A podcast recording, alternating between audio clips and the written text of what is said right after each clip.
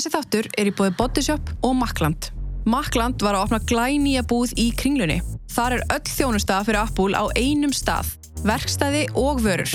Virkilega hendugt. Bodyshop er líka í kringlunni. Þar getur fengið náttúrular húðvörur og snirtiförur á góðu verði. Mæli mjög mikið með. Ég beði bara velkomna. Takk að fyrir, bara takk fyrir að fá mig. Já, bara sjálfsög. Við við heitum bara Edda. Þú ert Edda Pétursdóttir. Yes. Og það sem við ætlum eiginlega að fara yfir hérna er bara þitt fyrirverandi samband, eða segir maður það, fyrirverandi samband. Já, fyrirverandi samband. Já. Og það sem er eiginlega svona, þú veist, þú ert að koma, hvað, átta árum síðar eða eitthvað og segja frá þessu. Já, tæpum tíu ára síðar. Já, tíu árum síðar. Já. Og mér fannst svo áhugavert að því að sko þetta, það sem við erum eiginlega að fara að ræða, Mhm. Var ekkit endilega sko skilgreint sem eitthvað ofbeldi þá. Nei. Já, þú veist, þarna lenduru þú verður fyrir andlu Mhm, ofbeldi og sko stafrænu kynferðsofbeldi í rauninni Mhm. og mikið á hótunum, þú veist, mikið áreiti og bara sem í svona umsátur, Mhm. þú veist og þú leitir til löggunar Mhm. og í rauninni löggan grýpur þig ekki Nei. og eftir þetta þá bara setur þú veist, uppi með þetta allt Einmitt, einmitt. Lauruglan í rauninni beinir mér ekki heldur í átt að stíga mótum eða hvernig sem að, sem að hefði náttúrulega verið rosalega gott á þeim tíma. Mhm. En nei, löggan og kerfi greip mig ekki og þá í rauninni finnst manni eins og maður hafi engin hús að venda og ef að lauruglan samþykir ekki í raun og verið þetta sé ofbeldi að þá hugsa maður einhvern veginn að maður verður bara bítið að súra og sitt uppi með þetta, mm skilur og sem er líka svo að því að í þínu tilfelli þá þegar þú leitir löggunar þá ertu hvað, 20 ára, 21 Já, 21 ás, já. já, og sko Að Já, kannski 22, það getur verið. já, þegar þú að- leita til Já, löggunar já, já, því það var aldrei setna við hættum saman því ég er 21 og ég held ég að vera kannski svona orðin 22 þegar ég loksis fer til lauruglunar sem náttúrulega dolda eftir að við hættum saman. Mhm. og þetta er svona áhugavert í þínu samíkjötu því að þið í rauninni kynnist þegar hann er eitthvað 35 Já, hann var svona 31. Ó, 31. held Ég, ég var nýjórinn tvítug, Já. þetta er sérst í desember 2009 sem við kynnumst. Þannig ég er rauninni bara nýjútskriður mentaskóla og ég kynnist honum og þeim tímapunkti var hann náttúrulega búin að vera þekktur í nokkur ár. Þannig ég vissi þetta hver hann var og náttúrulega tölvöld eldri. Þannig að valda ójabæið var gríðalegt bara frá byrjun. Og hérna og já, við erum bara þú veist, þetta gerist rosalega hratt sambandið, þú veist, ég kynnist honum og bara innan við viku eru við bara byrjuð saman. Já, ok, já, bara, þú veist, þetta bara gerist bara rosalega hratt. Og ég líka er bara flutt inn til hans eiginlega strax, ég meina hann átti sína einn íbúð, ég bjó hjá fóreldrum mínum þú veist, þannig að það var bara rosalega þægilegt að hérna flytja bara inn til hans. Líka smá svona cool og þú veist. Og hann Já. bjó líka í Vesturbænum þar sem að ég ólst upp og ég var í rauninni nýflutt í gravarholtið sem að bóta mig byggu sem alltaf þessi langt að fara þannig að fyrir mig var bara rosalega næs að komast einhvern veginn aftur á Já. svona æsku slóðnir þar sem að vinkona mín að byggu líka og, og allt þannig sko þannig að ég Akkurat. náttúrulega sótti bara í það og svo hérna þið eru saman í hvað, þrjú ár já svona tæp, tvö og hálft ár kannski í heldina þegar þið kynnist, veist, þá, þá er náttúrulega hann freka þekktur, Mhm. náttúrulega bara í tónlist og svona smá kall, sko, Mhm. svona töffari. Þegar, að því þú vissi hver hann var, þegar Mhm. þið, þú veist, þegar, hefur hann samband við þig? hann, já, sko hann í rauninni ég var á tónleikum og ég er að lappa út og þá sérst, bara að kalla á mig með fullu nafni. Og ég var náttúrulega bara svo hissa þú veist, að hann vissi bara hver ég var hreinlega og hvað ég hét þú veist, þannig að það var alveg svona bara pínu sjokk og þetta mjög svona flattering þú veist, maður er bara, wow, þessi hérna gæi skilur, hann veit hver ég er. Þú veist, auðvitað veit ég hver hann er en hvernig veit hann hver ég er? Einmitt. En, og það var líka, hérna, því svo, en þú segir, þið byrjuð bara ógslag hratt saman einhvern veginn og bara flutt inn til hans innan við viku. Og hérna, og í byrjun á sambandinu, hvernig var þetta, þú veist? Já, sko þetta var uh, svona eins og ég komist að eftir á að heitir henni lovebombing sem að ég eh, náttúrulega þekkti ekki þá. En auðvitað var þetta bara æðislegt til að byrja með, þú veist, mér fannst þetta bara æðislegt, skilur, hann bara rósaði mér fyrir allt, þú veist, það var bara alls konar fárlega hlutir, þú veist bara ég var með góð gen eða þú veist, eitthvað, mm. skilur og hérna fannst ég svo æðislegur kokkur og eitthvað bara svona þú veist, sem að var ekkert einu svona satt þú veist, ég var bara 21 og svo kunni ekki þetta elda, skilur Það er bara allt sem þú gerði var svo, svona öfga frábært Já. og þú varst bara fallið, veist, í heimi Já. og allt þetta Algjörlega, var... sem er alveg sérstakt svona í byrjun, þú veist Algjörlega að því að að sögumir segja sko já, en hvað er að því að rosa skilur en þetta þegar þetta er svona íkt og líka sko að því að þú veist ég var náttúrulega aðdáðandi hans og þá þegar þú veist maður er svona fullur aðdáðanar að ykkurum og þessi manneskja er bara þú ert svo æðislega og mér erst þú svo frábæra fullkominn þá náttúrulega einhvern veginn þú veist það gefur manni rosalega mikið svona validation mm -hmm. skiluru, bara þú veist opbáslega mikið og maður einhvern veginn þú veist eins og segja þetta var maður, ég er rosalega ánæg með þetta mm -hmm. fyrstum sinn og líka bara svona þannig er ég í rauninni í fyrsta skipti í að mér fannst svona fullorðin sambandi. Ég hafði bara verið með strákum á mínum aldri fram að þessu sem að bara byggu í fóröldarhúsum og, og voru ekkert að bjóða mér á fína veitingastæði en eitt tannig og svo allt ínni var ég komin í svona fullorðið samband þar sem að ég held einhvern veginn að svona hluti væru kannski bara eðlilegir. Þú veist að ég meina hann var strax eða farin að segja við mig að hann elskaði mig til dæmis. Það gerist bara rosalega fljótt og ég mann lefti að hafa verið bara eitthvað svona það er það sant, þú tekki mig ekki eitthvað svona. Og svo var ég náttúrulega eiginlega mjög fljótlega eftir því farin að segja á móti þú veist. Og hérna og svo var hann náttúrulega þú veist að bjóða mér út á fína veitingastæði og, og þú veist hann vaknaði stundum á mótnana og fór út í bakari og blómabúð og kæfti rós og morgumat og eitthvað svona. Og þú veist þetta var náttúrulega bara svona eins og bara drauma rómansamband þú mm, veist, til að byrja með. já, já algjörlega og það er sko að að svo í gegnum sambandi eins og við ætlum að fara inn á eftir þú veist á mikið andlut ofbeldi mm -hmm. og hérna mikil þráíkja og, mm -hmm. og hérna og náttúrulega mikil aldursmunur -hmm. og, mhm. og bara mikið andlut ofbeldi gegnum sambandi mhm. en síðan einhvern veginn ætlum að fara yfir og eftir líka því að svo heldur einhvern veginn ofbeldi áfram eftir að hætti saman mhm, bara eitt ár eftir verður ekki minna í raun og veru eignarhaldið og, og þetta svona possessiveness og mér finnst í rauninni sko eh, þessir tölvupóstara því náttúrulega samskiptin okkar fóru mest, mest megnis í gegnum tölvupóstara þá. Já þegar þið hætti saman. Þegar við hættum saman mm -hmm. og hérna uh, þeir í rauninni sína rosalega skýrt finnst mér kannski það sem að var í rauninni miklu óljósara í sambandinu mm -hmm. ég man náttúrulega ekkit allt sem fór okkar á millið þarna styrum saman allt árið 2011 uh, hvað fór fram þá man ég ekkit svo nákvæmlega að því að þú veist, það var náttúrulega bara face to face samskipti, já, já.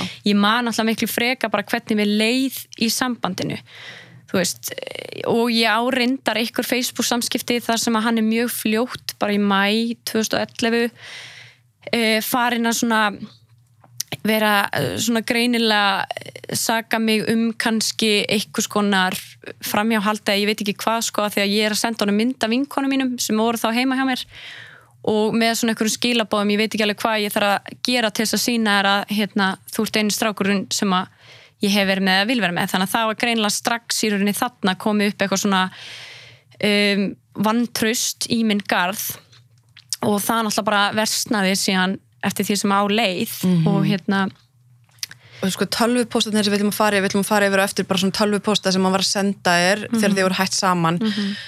og þú veist það sem þetta er bara ég meina þú getur rauninni alveg bara séð hann lýsir bara sambandinu -hmm. Uh, frá sinni frá sínu sjónarhörni mm -hmm.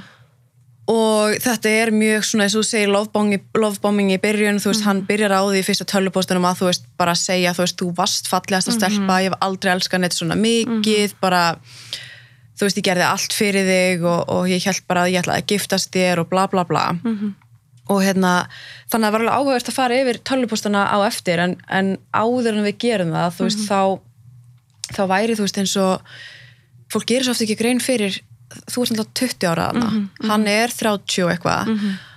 og hann er strax farin að þú veist banna þér hluti eða sitja út á þig og, og hérna reglur og alltaf að nota það gegn þér. Þú veist, þú ert svo ung og vittlaus og þú veist nú ekki hvað þú ert að tala um Einmitt, svona eins og með umgengni heima þú veist, það var rosa svona stránga reglur mátt ekki vera, þú veist, diskur í vaskinu líku við og þá var alveg allt brjálað þú veist, að ég hef ekki vaskað upp og, og ég mátt ekki skilja eftir peysu á stólinn í Sörpnubyggi, þú veist, þá var þann pyrraður og eitthvað svona, sko, en á sama tíma gengi ekki endilega sömu reglur í hann, sko. Þú veist, hann var kannski að skilja eftir dót á stólinn í stofu og það skipti engum máli, sko en ef ef ég gerði það, þá var það alveg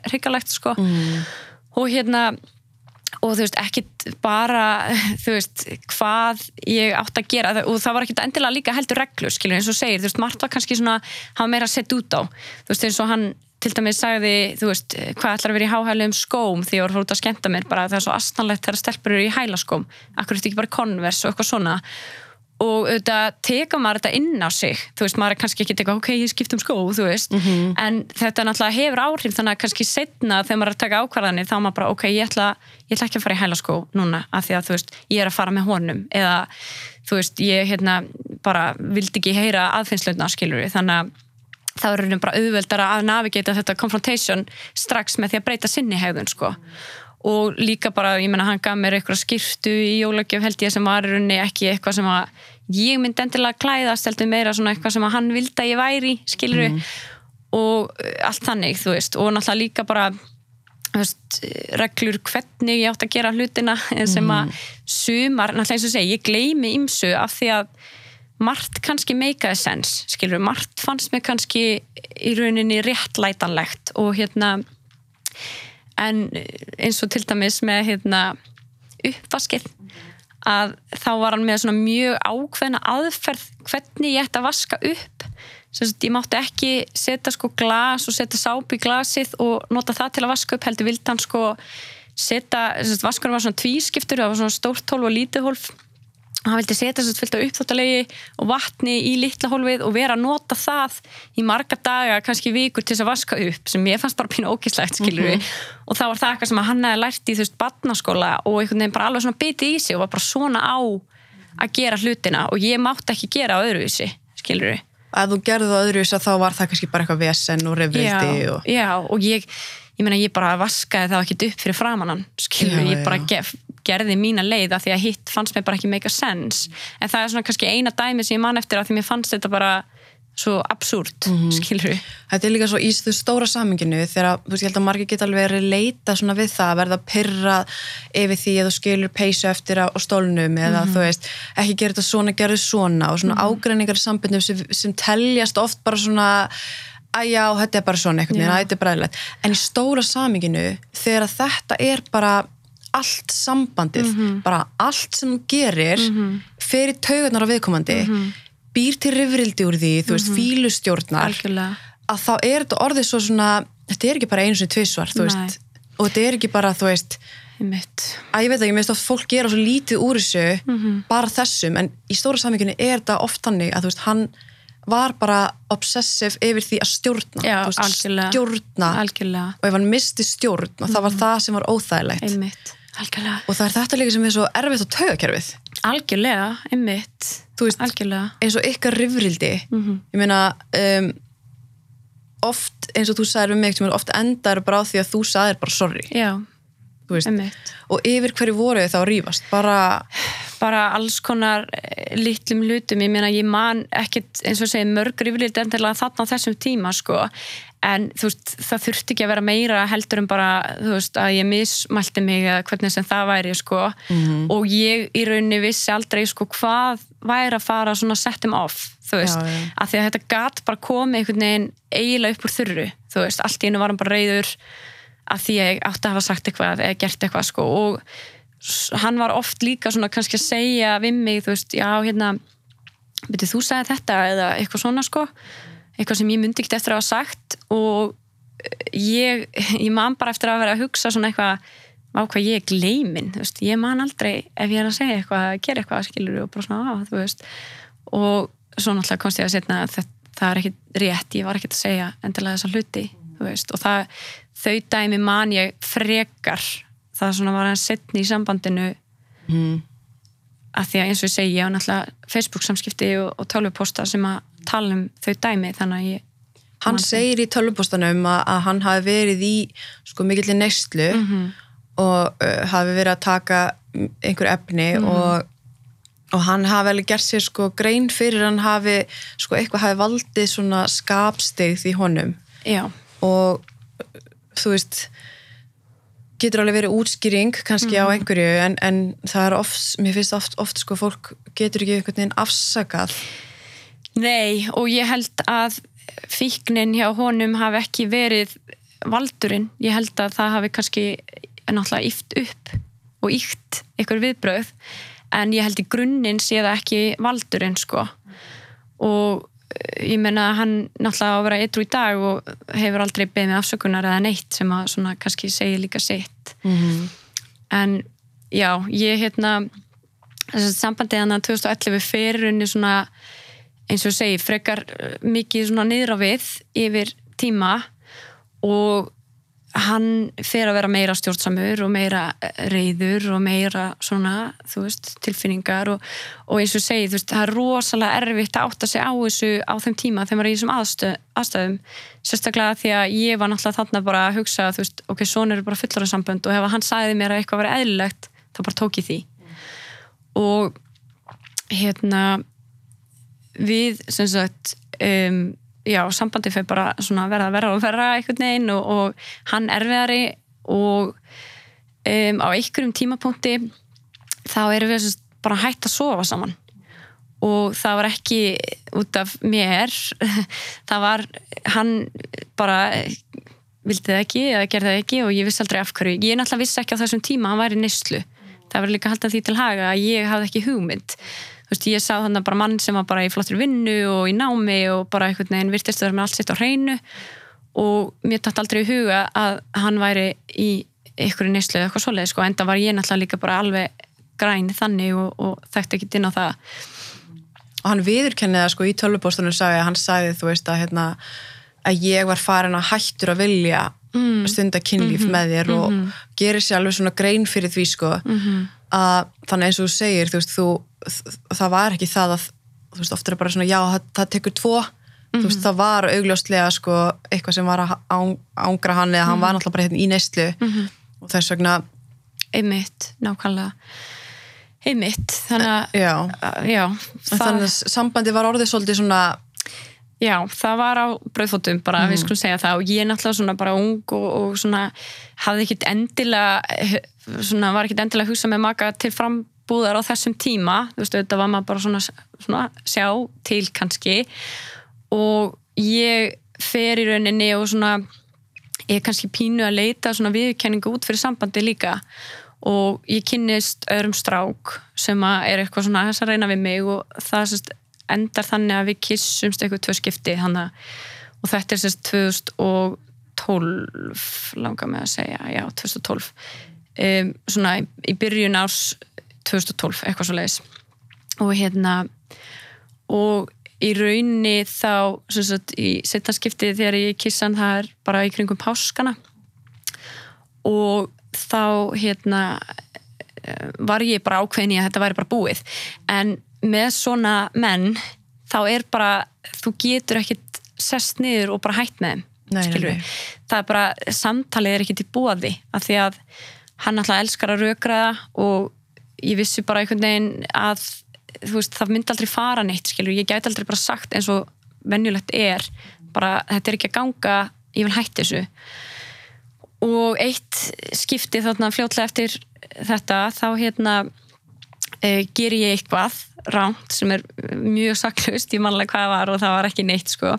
Hvað var þá sagt, kemur vinnu minn í heimsókn og, já, já, já, já, hann var eitthvað reyður ef vinnun hafði komið já, já, já, já, þú veist, eitthvað svona sko, sem var bara svona alveg bara, heyrðu, þú veist að hann var heima, skilur við, þannig að það er ekki svo ég hef eitthvað verið með einhvern upp í rúmið eða eitthvað, skilur Nei, við hann bara pyrraður yfir að þú skildir vera með hennan vinn þarna og eitthvað, já, og verður alveg brjálaður sko ríkur út.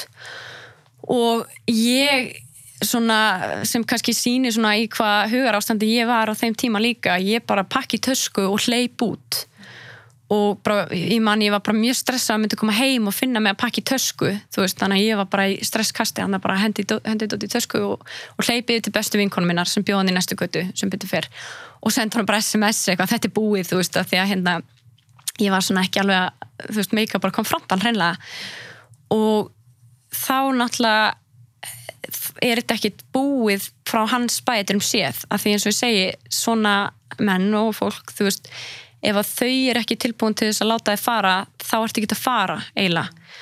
Og þá byrjur henni bara endalög símtöl og SMS-sendingar og hann var alltaf grátbyggja með að hitta sig og alltaf sko í rauninni með svona þetta hérna við verðum að geta klára þetta almennilega og skili frá, sátt frá borði og, og svona hérna rætt hlutina tvö saman og eitthvað svona sko. Hann segir líka eitt svona áhugavert það sem hann segir í skilabánu, hann segir sko uh, þú veist að þú getur rauninni ekkert hægt með honum bara svona einhliða. Já, einmitt, hann talar um það í tölupostunum sko. Já. að ég hafi rauninni, við höfum ekki verið hægt saman að því að þetta voru einhliða sambandslitt sem er náttúrulega bara hvað þýðir hvað það? þýðir það nákvæmlega? Ég meina að fólk bara hættir með fólki og það er yfirleitt annar aðilinn sem að Já. gera það. Og ég hef alveg hætt með öðrum strákum og það var aldrei verið neitt vesen í raun og veru ekki eins og þetta. En þetta er svo, þetta er svo augljóst sko hvað hann er að koma, þú veist, þú getur ekkert bara hægt með mér án þess að fá mitt leifi einmitt, já, nákvæmlega. Það er náttúrulega bottom line sko og ég svona eins og segi ég, auðvitað vildi ég skilja við allt í góðu þú veist, ég eh, náttúrulega kannski var bara með pínu samvinsku byttan að búin að kissa eitthvað strák skiluru og, og svona liði alveg illa og hérna og ég var ofta að hitta hann og ræða við hann en það fór aldrei neitt. Þú veist, það fór bara upp í hafa loft og hann var reyður og rauk út og hann var ekki að fá sínu framgengt sko. Og svo svona þegar hann finnur að ég er ekki að haggast að þá loksins segir hann við mig eitthvað svona já það er ástæða, það er, ástæða. Og ég er svona pressa pína á hann, ég bara þú getur ekkert bara sagt um það að sé einhver ástæða og ætlast til því að ætlast til þess að ég taki því bara. Og þá hérna um, svona loksins gefur hann sig og segir við mig sem sagt, að hann sé búin að vera að nota og selja kókain og ég náttúrulega bara í sjokki, þú veist, og hann segir það er ástæðan fyrir því að ég er búin að vera svona erfiður og það er ástæðan fyrir því að við erum ekki búin að sofa saman og, og það, þú veist, útskýrir allt í raun og veru. Og þetta er alltaf svona, eh, svona þetta back of your mind þetta er kannski fyrsta tímabil, skilur við þú veist, maður hugsa alltaf bara, já, hlutinni kannski geta orðið svona góðir aftur ef bara, þú veist Mm, ég sé þess að góðu hlið og, Já, nákvæmlega, ég veit hún er til staðar en, og sko oftast náttúrulega eins og út sambandi var það kannski hvað þarf ég að gera? En þarna hugsa ég, ok, hann já, hann náttúrulega, eins og segi við kennið þetta fyrir mér og segir svo, hérna, hann segir mér svona alls konar líka svona hvað maður að segja, dæmi um það þegar hann var í rauninni þegar ég kannski átt að fatta að hann var að taka kokain sem ég náttúrulega gerði ekki, enda bara alveg klúlus, en þú veist þá segir hann eitthvað svona eitthvað tímann kistur mig bless og þá var, sagður við mig að vera best bræða vörunum mínum. Og það var þú veist kókain, ég vissi náttúrulega ekki hvernig kókain var að bræði þannig ég bara eitthvað, úsla skríti bræð skilju, bless, þú veist.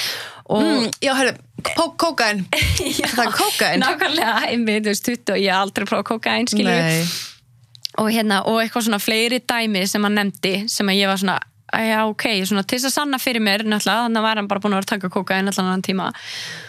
Og svo segir hann við mig sko, ég er bara fíkill og ég er rosalega erfitt og mér langar að hætta þessu en ég geta ekki ef að þú ferð frá mér. Já, já, og þá í rauninni setur hann svona ábyrðana doldi á mig, þú veist að, og þetta það sem svona þekkir af fíklum er að þetta eru veikir einstaklingar og sem þurfa hjálp. Og ég trúði þessu náttúrulega bara, þú veist, ég bara hugsaði ó, þú veist, mig góður, hann er bara eitthvað veikur og bara erfitt og, og ég þarf að hjálpa hann mig í gegnum þetta. Þannig að ég í rauninni svona læt glepjast hálfpartinn og byrja með hann aftur en samt er ég alveg hreinskilin við hann frá byrjun og segja alveg þú veist, ég meina ég var hægt að vera hrifna þér og ég get ekki bara glemt því, þú veist, ég get ekki bara stíja eftir inn í þetta og láta þessum ekki tafi í skorist þú veist, það voru búin að vera margi mánuður þarna undan þar sem að sambandi var bara mjög slæmt. Og það er ekkit auðvelt náttúrulega síðan bara eitthvað að glema því og, og halda aftur eins og ekki tafi í skorist. Og, en ég gefa hann um í rauninni annan séns og byrja með hann aftur. Og hann strax trúði því ekki að ég hefði bara hætt með honum fór þurru það var ekki nú góð ástæða fyrir hann og hann í rauninni byrjar að pressa rosalega á mig strax sko og fyrir að segja þú veist ég hérna, nú er ég búin að vera reynskilin við þig og opna mig og það er eins gott að þú segir mér ef að þú hefur gert eitthvað. Og auðvitað var ég náttúrulega með þetta á samvinskunni hann að hafa kist hennar strák og á meðan við vorum hætt saman þá fór ég heim með öðrum strák og ég er svona einhvern veginn bara eiginlega strax bara segja hann um allt þú veist að því ég svona líka hugsa og hann alltaf svona setur þessa eh, svona hugsun í höfu á mér og kannski búin að vera lengi að segja sko að í samböndu þurfa að vera þessi svona fullkomna 100% hreinskilni. Og við megum ekki einhvern veginn lindamál og eitthvað svoleiði sko sem er náttúrulega ekki alveg rétt endilega þú veist ég meina það er ekkit endilega eðlilegt að hafa allt upp á borðum, skilur við? Nei, nei, ekki ef það er eitthvað svona veist, sem, sem átti ekki sér stað ekki í sambandinu Nei, veist, eitthvað sem þið gerðu þegar þið voruð ekki saman, þú veist Facebook, eitthvað Einmitt, svona nákvæmlega, eitthvað svona samskipti við vinkonum mínar og Já. þannig sko, algjörlega en hann hann ferir henni fram á það að ég svona, segja hann um allt og ég geri það þú veist, og ég svona, auðvitað, eins og ég segi mér leið mér illa yfir því og ég er svona einhvern veginn að hugsa ok, það besta sem ég geti gert í stöðinu núna þegar hann er búin að vera hreinskilu við mig er bara að segja hann um að því líka þú veist, hann myndi aldrei eh, láta það slæta ég væri held ég bara eitthvað neða gerist ekki neitt, skilur og það var ofta bara svona auðveldara að kannski bara eh, svona viðurkenna allt strax heldur en að að hérna reyna að fel eitthvað því þú veist þá myndi mér bara lítla og, og hann væri endalist að pressa mig sko og hérna ok, ég segja hann það og, og hann einhvern veginn tekur því aldrei í sátt að ég hef ekki sofið á þessum strák sem ég kisti bara.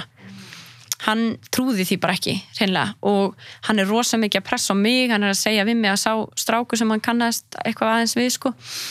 Hann væri nú búin að viðurkenna að við hefum sofið saman sko og nú ætti ég bara að fara að gera slíkt þið sama.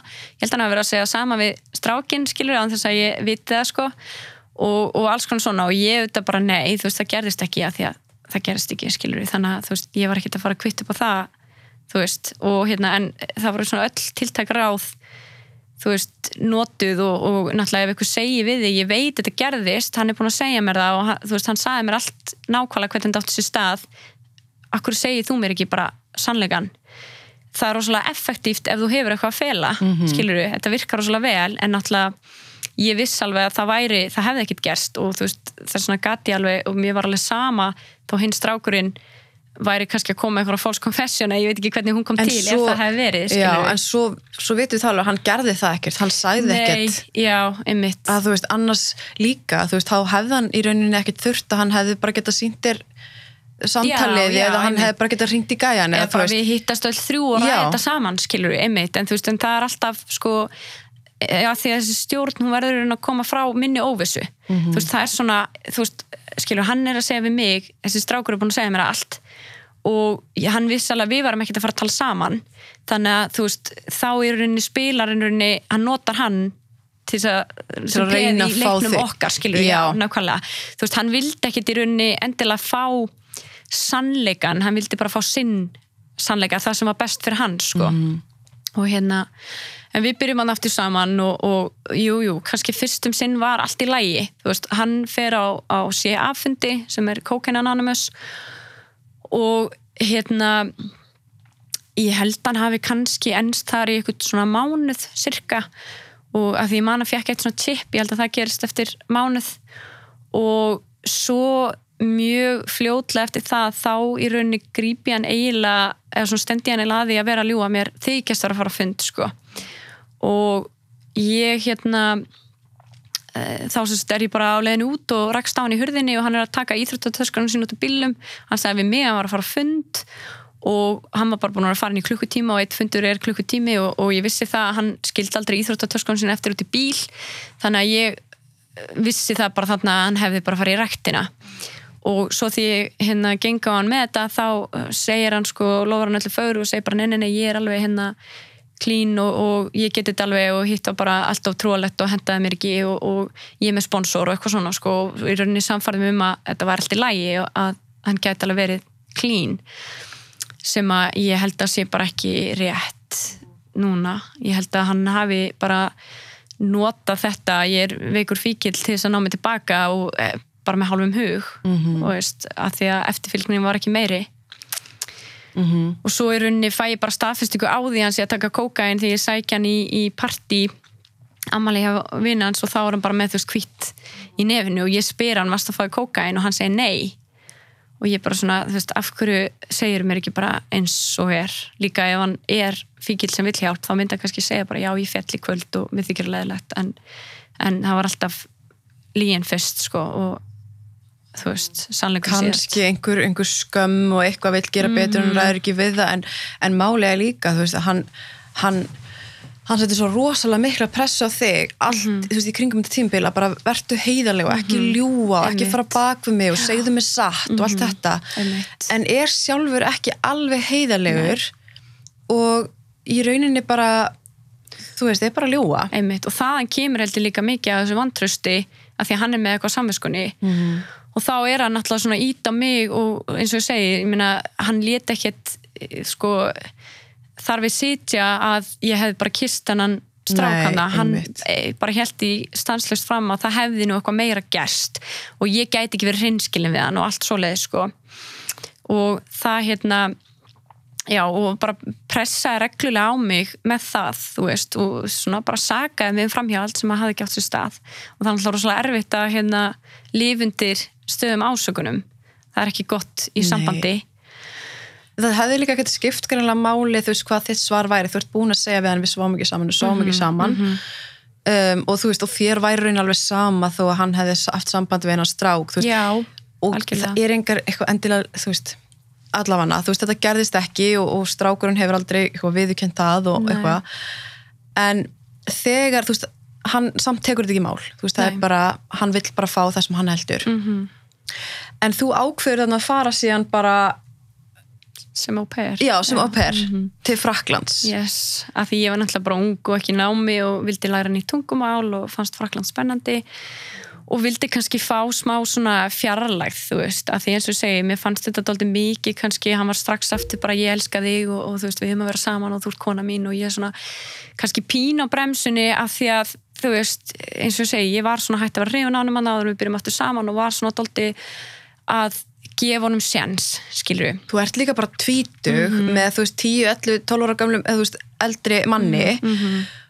og það er einhvern veginn strax að þetta komin eitthvað fullorðin samband mm -hmm. eitthvað mhm. þína tilfinningar skipti ekki máli allt sem mhm. þú segir er ránt, bara þú ert að gera þetta svona einhvern veginn bara þvílitt yfir þyrmandi, mhm, þú veist, þú færði einhvern veginn ekki að vera bara tvítug en farið, þú færð bara hérna út og, og þá tekur bara við önnur störtlun einmitt, þá hérna sagt, mjög fljótt sko eiginlega bara strax um leiðu ég flytt út þá hérna ég man bara fyrstu helgina að þá sagt, e, fer ég út og fæ mér þú sko tvö, þrjú vinglus hann á lögadegi og svo sunnudegi. Og á sunnudeginum þá er ég að fara að hitta Átn og Klói sem eru vinafólk hans sem ég kynntist í gegnum hann. Og hann var alveg sko brjálaður að ég hafi farið á fyllir í að því ég hef sko verið full kvöldi áður. Ég hef samt talað við hann á Skype eftir að ég kom heim kvöldi áður og hann sáli ég var ekkert full og ég var ekkert full þetta kvöld heldur.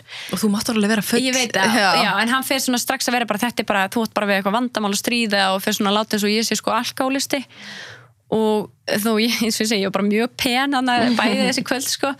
Og hann hérna Einmitt, og, og þá er það í rauninni bara þessi stjórnuna taktík sko, hann vildi ekkert að ég var að fara út. Hann vildi ekkert að ég var að hitta átn á klói og hérna uh, hann líka strax í rauninni eins og ég segi, þú veist, ég kynnist þeim og hann byði þau einhvern veginn um að fylgjast með mér. En á sama tíma þá hérna er hann að segja við mig, þú verður að passa þig á þeim þau eru svo klikkuð og svona. Og rauninni þannig sé að þú veist tala mig af því að hitta þau. Ég þekkti engan, þú veist ég þekkti engan mm. anna en það er líka örgulega svona partur af þessu hann er bara að missa stjórn, Já, hann er ekki aðna hann er svona, hefur ekki enga stjórn á aðstæðum. Mm -hmm. og reynir að koma þér upp á móti þeim og, og segja þeim að passa þig og eitthvað. Mm -hmm. en þið verðið bara vinir, þú átni og Chloe. Já, við kynumst hann ákveðlega og já, mitt sko, fyndi Facebook samskipti þá var hann líka brjálar sko að því að hérna þegar ég fæ frans símanum er þá ringi ég í hann til þess að fá númerið hjá þeim sko. Og þetta er bara svona bara fyrsta daginn eftir að ég komin út eða eitthvað og, og þá var hann sko alveg brjálegar að því ég var að ringi hann til þess að fá síman hjá þeim en ekki til þess að heyri honum. Já, allt eitthvað var, svona. Já, allt eitthvað svona. Veist, það var ekki nú gott sko að þú veist, ég væri með eitthvað svona agenda, ég átti bara að ringi hann og heyra. Og náttúrulega líka eins og þegar við hættum saman hann að fyrra skiptið þegar hann ríkur út í fílu mm -hmm þú veist, þá segir hann í tölupostum ég held að þú myndir ringi mig Mhm. og spurja hvernig mér liði og, og eitthvað svona, þá ætti ég alltaf að vera svona fyrir gefðu, þú veist, geti ég ekki gert þetta betra, hvernig líður þér Mhm. Hann sagði mér tölvupóstunum sko bara, bara ótrúlegt að þú hafir ekki huggað hann Já. Mhm. og, og bara hérna ringt í hann því honum leið svo illa en í staðinn fyrir hættur bara með mér Mhm. mm allt þetta, þannig svo mikið fórnarlambi í öllum aðstæðum algjörlega, en í Fraklandi mitt þegar hann er hérna einmitt veit að þér hérna úti Mhm. og líður ekkert allt og vel með það að hann kemur út, er það ekki? Jú, sko, fram að þessu þá var ég farin að eða svona smá tíma með Átun Chloe og ég kynnist vini þeirra sem að, ég ætla að kalla Frans er, já, ekki hans rétta nafn en hann er frakki, þannig að ég sérst kynnist Frans og sá er bara svona myndalegu maður og svona færtusaldri og hérna og hann er alltaf svona skipuleggja eitthvað svona íventa og þar á meðal eitthvað svona partí, bátapartí þar sem að Átni var alltaf DJ og þau voru alltaf að bjóða mig með. Og hérna hann vildi aldrei í færi þangað. Og vildi, var alltaf svona ég er að koma út í september, vildi ekki bara býða þangað til ég kem og eitthvað svona sko. Og hérna, og ég alltaf svona segja nei við þessum bóðum og þau svona farin að gera grína því að þú veist, ég vildi bara vera heima inn í ískápa því ég fílaði ekki hitana því ég var frá Íslandi og eitthvað svona grín sko. Og hérna og svo hérna sagt, svona tveimur kvöldum áður en e, kærasti minn kemur út e, þá fer ég með átnum í grillvislu til Frans og bara svona rólegt kvöld bara ekkit margir og hérna og við svo bara, þú veist, keiri ég með þeim heim til þeirra, þau byggur sem snýri bæ ég byggur alveg lengst upp í sko fjöllunum í, í Marseille sko bara, þú veist, alveg sko við erum að tala um, þú veist, metrolínan út á enda og svo stræta út á enda, skilur mm þetta var alveg, þú veist, mjög langt að fara, þannig að ég svona kerði bara til þeirra og gist á sófanum með þeim. Og bara ekkert merkilegt kvöld í raun og veru. En svo kemur kærasti minn út og hann hitti Frans og við erum öll saman og bara rosa gaman einhvern veginn og, og hérna og svona allt í góðu eins og segi þú veist það stendur ekkit upp úr auðvitað var öruglega þessi hérna svona akkur ert ekki bara hreinskilin með þú veist hvað gerðist og eitthvað svona. Og ef eitthvað skilur en eins og segi ekkit, ekkit sem að stóð upp úr þá sko. Og hérna e, svo fer hann aftur til Íslands í, ég held hann að vera yfir ammali mitt sem er í byrjun oktober þannig að hann fer ekkert um hann fljóðlega eftir það. Og svo um miðjan oktober þá hérna uh, verður hann alveg brjálaður eins og segi, ég man ekki eins og af hverju það var akkur hann var svona reyður en hann ringir í mig og sérst, heimtar að fá öll líkilorðið mín, eða líkilorðið mitt á Facebook. Og eins og segi þarna að því að hann fyrir svona strax eða að segja þú veist, ef þú gefur mér ekki strax þá veit ég að þú ert búin að fara og eigða hlutum út og eitthvað svona. Og mér fannst ég ekki hafa neitt að fela og ég hafði það í raun og vera ekki. Þannig að ég sendi honum skilabóð og sagði bara, þú veist, í skilabóðunum bara ég, ég er ekki samanlega þessu, mér finnst þetta ekkit eðlilegt en ef þetta er eitthvað sem að þér finnst verða að gerast og náttúrulega hann setur þetta líka þannig fram að hann segir sko í heilbriðu sambandi ætti þetta ekki vera neitt mál. Þú veist, í heilbriðu sambandi þá ættir bara að geta að gefa mig líkilvægt á Facebook og ekki eins og pælt í því, skilur við og hann var öruglega fram að þessu ekki það að ég þóra fullilega en þú veist, mér finnst mjög líklegt að hann hafi í gegnum tíðin að verið búin að vera að fara í síman minn og fara í, á Facebooki mitt og eitthvað svona sko, sérstaklega fyrst hann vildi endilega fá líkilorðið og ég sendi honum það og ég fæ ekkert svar frá honum. Og ég er bara svona ok. Og hérna um, ég er bara hana í tölfunni úti og þá byrja bara að opna svona spjallklugar þá er hann bara að lesa öll skilabóð mín, þú veist, bara skilabóð til vinkvæna minna. Og það er náttúrulega bara gríðalegt svona brot sko á trösti og náttúrulega bara þeirra trösti til mín. Mhm. þannig að líður mér eins og ég sé raun að fara bak við þær af því að hann er að lesa skilabóð sem voru aldrei ætlu honum, þau voru bara ætlu mér. Og það er náttúrulega bara mjög óþægilegt og leiðilegt og sérstaklega því að þú veist þannig að býja erlendis og bara öll mín samskipti við vinkonum mína fóru fram á netinu og í gegnum Facebook.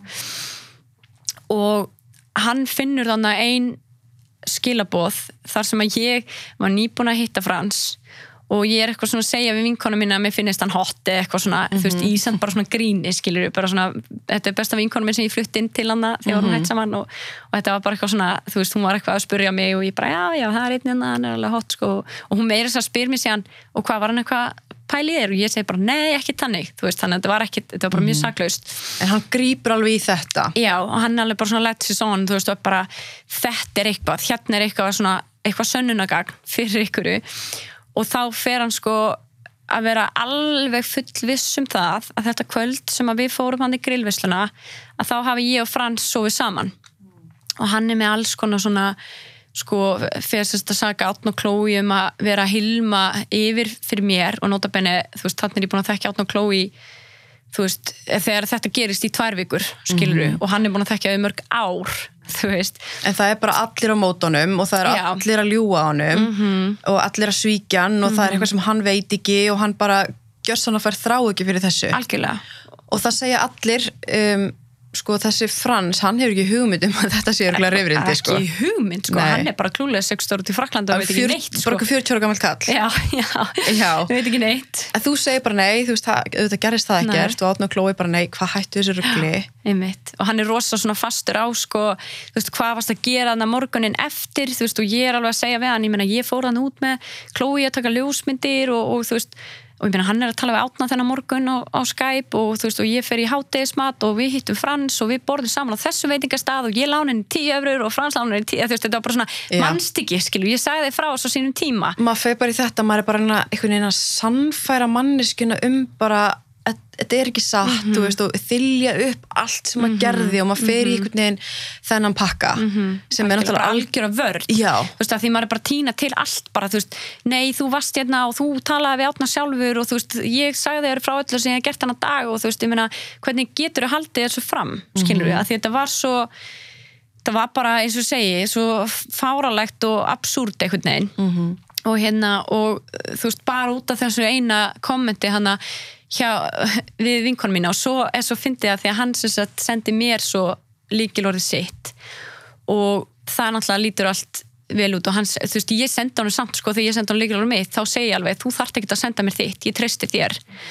En hann gerir það samt bara svona og ég hugsa strax bara að hann hlýtur að vera fel eitthvað og svo með smá googlið þá kemst ég að því að sérst, ef þú sko downloadar öllum loggunum á Facebook þá getur þú séð sko skilabóð sem er búið að eyða út en þú getur ekki séð heil samtöl ef þeim var eitt og hérna og þá sé ég sem sagt í einu samtali við sérst, fyrirvændi kærstunans sem er voða góð vinkonans e, að þá talar hún um eitthvað stelpu og hann var búin að eða því út. Þú veist þannig að hann er greinlega náttúrulega búin að vera þarna að fara í gegn og, og reynsa út sko. Og senda þér síðan líkilorðið Já, einmitt, og reyns út líka heil samtöl við þessa stelpu sem var nefnt þarna og eh, ég held eina í viðbót líka sko allavega. Og ég er svona eh, geng á með þetta og uh, það endar þannig að þessi stelpa sko þarf að downloada þeirra skilabóðum og senda mig skilur en þú veist það er samt svona það var ekkit eitthvað þar, þeirra á milli, ég veit ekkit hvað gerðist þar skilur en hérna auðvitað er þetta náttúrulega ákveðin óhauðleiki að hann hafði eitthvað að fila og þess vegna var hann bara þú, þú skalt sko gefa mig líkilorið þitt og svo þegar hann finnur eitthvað smá sem honum mislíkar að þá er hann alveg bara það er bara tekið einhvern veginn alla leið sko. En þetta verður alveg bara að sko bara rosalegu issue í framhaldinu. Algjörlega. Og þetta verður alveg bara svona það sem allt bara tölvpostatinu og allt snýst um að, að það skiptir einhvern veginn ekki máli þú veist, þú ert búin að vera að segja við hann að þetta bara gerist ekki og allir bara reyna að hérna, þú veist, talunum trú bara þetta gerðist ekki. Og, en hann er veginn, það skiptir hann engum máli hvað allir eru að segja, það er bara allir á mótunum. En, en hann ákveður að koma samt út aftur. Já, ég, sko, hann kemur hann út í september fyrst, svo fyrir ég heim um jólin og svo kemur hann aftur í apríl, mæ, júni, eitthvað svo leiðis og er alveg í mánuðið að tvo, við erum alveg lengi saman. Og þá hérna leiðum við íbúð saman og byggum þar og þá man ég mitt eftir sko nokkrum skiptum. Hann hafði einhver tíman fyrir þetta, ég man ekki nákvæmlega hvernig það var, þá saka hann mig sko um að hérna að, eða segi við mig að sérst, hann hefði hitt stelpu sem var að vinna með mér á, já það hefur þá væntalega verið í september, oktober stelpa sem var að vinna með mér, hann hitti hana á oktoberfest og að hún hefði sagt við hann að ég hefði sagt að ég hefði verið að fara út til Marseille til þess að losna frá honum sem ég hef náttúrulega aldrei sagt og ekki hugsaða þannig á þeim tíma heldur. Og ég einhvern veginn tók bara þú veist, ég meina ég var ekkert í neinu sambandi við þessa stelpu og hann vissi það öruglega og ég einhvern veginn bara tók því trúanlegu að hún hefði sagt þetta og ég er bara svona, því ég vissi að ég ekki sagt þetta þá er ég bara djöfusins tussa skilur mm -hmm. og bara svona fannst hún bara óþólandi og einhvern veginn að skipta sér að og svo náttúrulega núna í setni tíu veit ég að veist, hún sagði þetta aldrei mm -hmm. þetta var bara eitthvað svona í honum eitthvað sem hann var hrættur um að ég hefði sagt. Og reynda að nota annað fólk til þess að já, einmitt, og svona gengi á mig að að, sko, og það er mitt, eins og ég segi, ég man hann eftir þegar við byggum með þessar íbúð. Þá fer hann ekkert mann út að hitta átna og kemur heim alveg brjálaður sko, þú veist, ég maður bara hann lappar inn bara og hann er bara eins og ösku skí, skilur, þú veist, hann er bara þú veist, djövill ertu ómerkileg bara, af hverju varst að segja við átna ég að vera bannaðar að fara í bátapartíin? Og ég náttúrulega bara, ha, sagði ég það? Og hann bara, já, þú veist, bara hvernig, skilur, bara gjörsamlega þú veist bara breytar mig, skilur ég veit ekki hvað íslenska horfið yfir það er mm -hmm. veist, en hann bara útúðar mig. Þú veist, hann er bara, þú ert bara svo ómerkileg og þú ert bara búin að halda svo rík halda fram hjá mér og hérna, þú veist, svíkja mig markvist og þú er svo óhegilega og umuleg og svo segjur þetta við vinn minn og bla bla bla eitthvað svona, sko.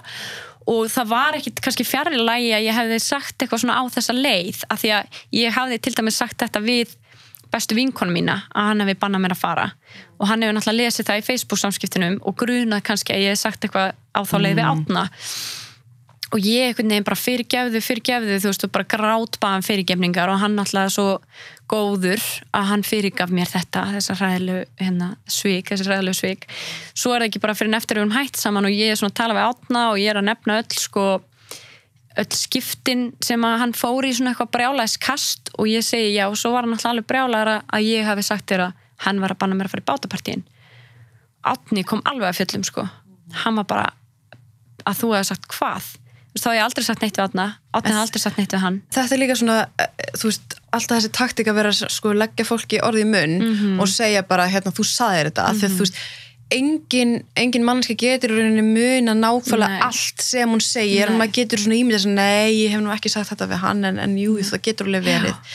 en hann er bara að gaslýsa þig Einmitt, og segja, þú veist, þú sagðir þetta mm -hmm. og lá, láta þig sko játa eitthvað sem þú sagðir ekki Já, líka að hann, ég trúð honum þegar hann segir, þú veist, átnið sagði mér og mm -hmm. þá hugsa ég, ó, þá hlíti ég að hafa sagt eitthvað og líka því hann var svo reyður mm -hmm. viðbröðum voru svo íkt að þá hugsa maður, já, ok, það greinlega hérna Veist, það hlýtur að vera að ég hef sagt eitthvað mm -hmm. og, veist, og hann gerir þetta rosa mikið hann segir sko bæði í rauninni segir hann mjög mikið heitjusögur á sjálfum sér allavega svona byrjunsambandsins og þá er það sko alltaf þessi var að segja við mig að ég var svo æðislegur, veist, þessi var að segja að ég var alltaf svo stiltur og prúður og meðan vini mínu væri svo rugglaðir eða eitthvað skilur mm þú veist og maður alltaf bara, vá, þú veist, því lík meðmæli. Og þetta mm. er þetta alltaf bara að koma frá honum. Já, þú veist, þetta er ekkert að koma frá þessu fólki skilur en, en þarna, einmitt, sko hann er þarna úti og mm -hmm.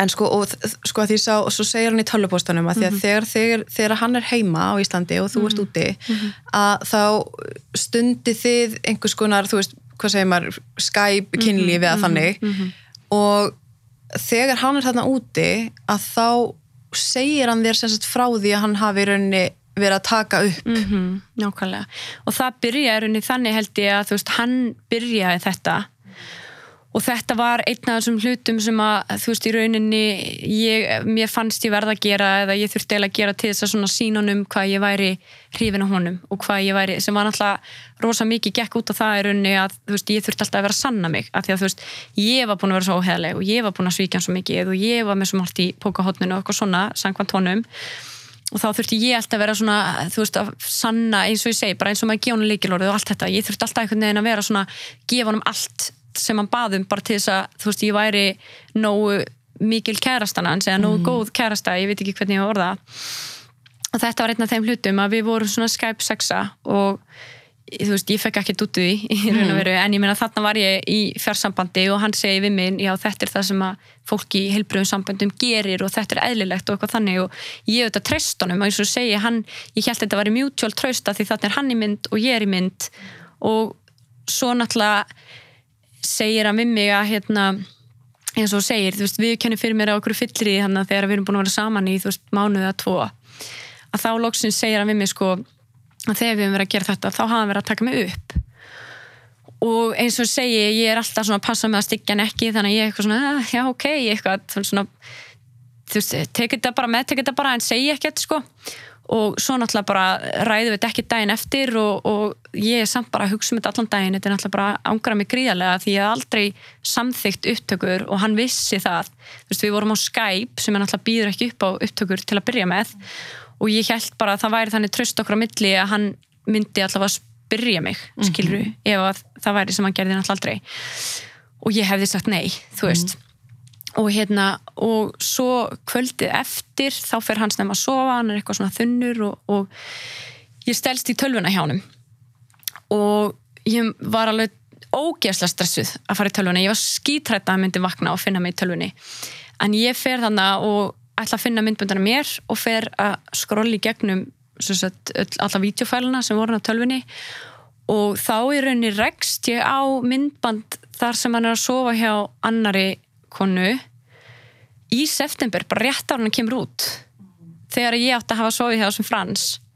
Já, hann er að saga þau um að sofa hjá sem Frans mm -hmm. á meðan hann er bara að sofa hjá annari konu. Já, og ég er náttúrulega sko, hversu margar þar voru eða hvað veit ég ekki neitt, ég er náttúrulega bara rakst á þessi myndbönd og ég átti náttúrulega aldrei að koma að staða hann náttúrulega aldrei að segja mig neitt. Og það er líka sko hann svo oft, þú veist, horfið svo djúft í augun á mér og bara sannfarði mig um að ég var eina konan sem hann elskaði, hann gæti ekki hugsa sér að vera með annari, hann hefði aldrei verið mér ótrúr, þú veist, allt þetta sko, að, og meðan ég var einhvern veginn alltaf að kapnur einhver samvinskupiti fyrir að hafa kist einhvern strák fyrir löngu síðan og þurfti endalust að vera að svara fyrir einhver sakir sem að ég var ekki seka af skiluru og hérna og rosalega minni uppileitið og það fannst mér mestu svikin.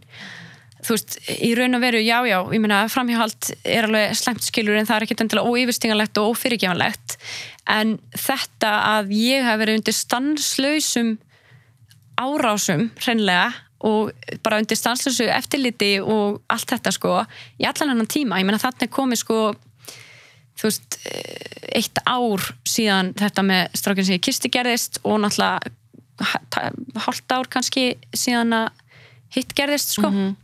þannig að átt að hafa gerst náttúrulega gerðist ekki neitt en hérna, æg með hennan Frans. Já, hálft ár síðan að þú áttir að hafa sofið hjá þessum strák hérna. Þannig að þú veist, það er alveg komin langu tími af þessu sko, akkur getur ekki bara verið heiðarleg og þú veist, allir á móti mér og þú veist, hvernig færðu átna og klói til að ljúa fyrir þig og allt þetta skiluru og hérna og það, það í rauninni bara let mig alveg fara af límingunum basically mm. sko. Og ég fekk náttúrulega bara pínu tögafallan að vera að sjá þessi myndbönd. Þú klikkar á eitt aðna Já, þetta eru þrjú myndbönd, ég horfði á öll sko. Og ég sé bara nákvæmlega þú veist, ég meina þau eru aðna bara upp á stofuborði og þetta er bara frekar gróft, skilur hann er bara að taka hérna á síman sinn, bara þú veist bara hvað er í gangi og hérna og svona eftir á að higgja þá held ég að þessi stelpa hafi ekki endilega verið á samþykk þessum myndatökum. Hann hafi ekki spurt hvort það mætti þetta því að hún er að halda fyrir andita á sér. Þannig að maður sér hún ekkit hver þetta er. Og hann síðan segið mig hver þetta er sko hérna, og ég sendi henni Facebook skilabóð eftir að við erum hægt saman og hérna og þá segir hún við mig sko, ég er eiginlega bara með minn að heyra þetta þegar þessi myndbönd átti ekki að vera til lengur þannig að þarna á hann myndbönd sem að hann var búin að segjast vera búin að eyða en var ekki búin að gera Já, hún hefur byggðað hann um að eyða þessu og hann hefur ekki gert það Já. en þegar þú uh, sér þessi myndbönd mm -hmm. uh, þetta er bara stofuborðið ykkar hérna mm -hmm. og, mm -hmm. og um, já, þú nærð, þú ert ekki alveg vissum hvort þú hérna náður að eyða þínum Já, ég fann myndböndur af mér líka og hérna og ég reynir semst að eða, mér langar enda kannski að skjóta eins inn í að því að hérna, þegar hann segir mér hann tók þessi myndbönd að því að þú veist, hann er rosa flinkur að í rauninni setja sko svona ofbeldi fram í spennandi pakka og hann segir mér sko, já þú veist, ég, hann verður svona rosa spenntur að segja mér frá þess að ég verður svo ána með þetta, þetta sé svo æðislegt sko. Að hann sé sko búin að klippa saman upp á myndbroti sín í eitt langt vídeo og eitthvað svona sko. Og ég var náttúrulega bara pínu svona slegin, þú veist, og bara ok, ok, þetta er eitthvað. En hann er rosalega spenntur að segja mér og, og hérna, og þetta er rauninni sama taktík sko og hann notaði sem sagt, að því að við fengum okkur eins tattu, en það var sko þannig að hérna að hann sækir mér vinnuna og hann er bara ég er sko búin að bóka hérna tíma og ég ætla að borga og þetta var ræðislega gaman fyrir þig. Þú mátt alveg velja, þú bara ferði það sem þú vilt og ég fæ mér bara eins. Af því að hann viss alveg, þú veist, ég var ekki að fara að fá mér nafnið hans, ég var aldrei að fara að fá mér paratatú ef hann myndi setja þannig fram. En hann svona eiginlega, hvað maður að segja svona, þú veist, mála mig pínut í hotna því hann er bara búin að bóka tíman og hann er búin að borga fyrir hann og ég er að fara. Og ef að ég segi nei, ég vildi ekki, þá er ég raunin af, eða svona Það er svo mikil höfnun. já, já, af því þetta er gjöf frá honum til mín. Þú veist, en í rauninni er þetta bara brennumerking ef eitthvað Mhm. skilur þú veist, þetta er ekkit og ég er náttúrulega að láta taka þetta af mér í dag Mhm. þú veist, Þetta er eitthvað svona hjarta, já þetta er, já, þetta er svona hjarta á úliðinum já, og þú ert að láta fjarlæga þetta. já, ég er Já. stíleis er náttúrulega búið að vera mjög dýrt og landferðli að taka þetta miklu dýrara heldur að og lengra heldur að setja þetta á sko. Já, nákvæmlega. en, já, En einmitt, þetta er svona, hann verður, setur þetta upp eins og þetta hafi verið bara æðislegt fyrir þig Já. og náttúrulega bara geggja hérna fyrir hann og þetta, þetta er rauninni allt einhvern veginn finnst mér, þetta hljóma þannig allt er gert einhvern veginn til þess að uppfylla hans svona þarfir í rauninni, bara þú veist, hann tekur þarna upp án leifis en það skiptir einhvern veginn ekki máli heldur hann bara klifti þetta saman og, og þetta var alveg gjörsanlega geggja fyrir hann. Mm -hmm, En þegar þú konfrontar hann með mymbandi af konunni sem þú sérð þá, þú veist, hvað gerist þá? sko, ég var náttúrulega bara alveg brjálu hann er sofandinn í Svefnbyggi og ég er ekki inn og ég kýla hann í andliti bara eins fastaukat sem er nú ekki mjög fast það sást nú ekki á honum held ég eftir það en, og ég bara er freka brjálu þú veist, og ég segi bara veist, bara helvitist trullus okkur einn þú veist, þú ert búin að saka mig hérna um framjáhöld í bara mánuði til ár og síðan bara reyðst þú eitthvað stelpu skiluru og hann byrja strax að reyna að ljúa þessu út úr þessu og er eitthvað nei, nei, nei, það gerist ekki, það gerist ekki. Og ég bara, gerist ekki, það eru myndbönd á tölvunni henni og þá var hann bara, þetta eru guðmjöl myndbönd. Og ég bara, þau eru dagsett þú veist, hætt að ljúa, skilur þú veist, það var líka ég var bara komið svo mikið upp í kók af lígunum, þú veist, af því ég var alltaf að koma á staði einhvern veginn eftir að hann væri að ljúa mér og ég bara hætt að ljúa og þegar hann sko átt að segja á því að hann getur ekki logið þessu út úr þessu að þá sem sagt breytir hann bara alveg einhvern veginn um karakter sem var líka ókvæslega skrítið, þú veist, hann fer bara úr því að vera eitthvað, að þú veist, nei, ég kannast ekkert við þetta í bara, þú áttur þetta skilið. Bara ískaldur bara, þú ert bara búin að vera svo hræðilega um mig og þú ert búin að koma svo illa fram með mig og þú ert búin að halda svo mikið fram með mér. Þannig að þú áttur þetta skilið. Og við rýfumst þarna eitthvað aðeins meira og endar þannig að ég fer út og gist ég á vinkonum minni og er bara þú veist, taktu dótið og bara drullaður til Íslands basically, ég vil ekki sjá þið aftur. Og ég gist hérna hjá vinkonum minni í, í nokkra daga og, og fæ svo, ég fæ skilabóð frá honum sko, eitthvað svona langa rulli eitthvað, þú áttir aldrei að komast að þessu svona. Ég átti náttúrulega bara ekkert að komast að þessu yfir höfuð sko. Hérna, þú áttir aldrei að komast að þessu svona og hérna um, mér þykir þetta rosa leiðilegt en þurfum við ekki að setja niður og ræða málin eitthvað svona sko áður en ég fer eitthvað. Og ég vildi það náttúrulega ekki neitt ég vildi bara ekkert sjá hann aftur. Og svo sendir hann eitthvað, ég er búin að finna miða út þessast heima á fimmtudagina og ég bóka hann og eina sem ég segi bara já og þetta er bara okkar síðustu samskipti í raun og veru sko fyrir utan eitthvað aðeins meira frá honum. Og hann bókar þennan miða og flýtið ferðinni sinni heim um nokkra daga sko, við áttum semst að fara heim saman hann nokkrum dögum eftir þetta. Og ég fæ staðfest frá Átnó Klói að, að hann sé farinn og ég fer aftur íbúðuna og eitthvað svona. Og, og ég var raun ekki tilbúin fannst mig til að fara heim strax af því að hann var þar þannig að ég framlengi miðanum mínum um mánuð sem var líka bara mjög gott nema þá sagt, þá byrja sko SMS og símtöl á fullu í franska síma minn. Og hérna og já en þá SMS og þú veist það er hann að senda mér hann bara degi eða töndum dögum eftir að við hættum saman bara ef að þú ferð ekki að segja satt hvað þið frans gerðu þá setjum ég þessi myndbundar á netið. Og eitt var til dæmis hérna eh, ég ætla að setja myndbundina á spíligil og skilja eftir á fjölförnum stað. Anna var bara velkomin á internetið og það þriðja var hérna eh, eitthvað með að ég og Átná Klói hefum leikið svo mikið blekkingarleik og eitthvað skilur þú veist, þetta var allt í þessum túr skilur bara hótanir og eftir hótunum og hérna og það endar þannig að ég senda honum tölvupóst Já, þá byrja svona fyrstu samskipti Já. í tölvupóstunum. Já, þá sendi ég bara, nennur að hætta að senda mér SMS, ég vil ekki þurfa að skipta um símanúmer af því ég svaraði engu, þú veist, ég svaraði engu ég hugsaði bara, ég meina ef hann setur þessi myndbönd á neti þá bara, þú veist, tækla ég það skilur en mér fannst náttúrulega fáralegt og en þann dag í dag að þú veist eins og þú segir, þú veist, hann einhvern veginn alveg fókus á þetta með Frans þú veist, hann einhvern veginn tekur enga ábyrð á sínum gjörðum. Ég þurfti bara að vera mondialinn og hann var ekki til í að kvitt upp á það að ég hefði ekki verið það þó að Átnum Klói var að segja honum veist, við vorum með henni þetta kvöld og ekkert gerist og að því að þau eru í rauninni bara, veist gott og eðlilegt fólk skiluru sem að þú veist, var ekkit ég hugsa alveg svona eftir á, veist, þau hefði alveg geta hendur undir rútuna af því að hann er svo overbearing.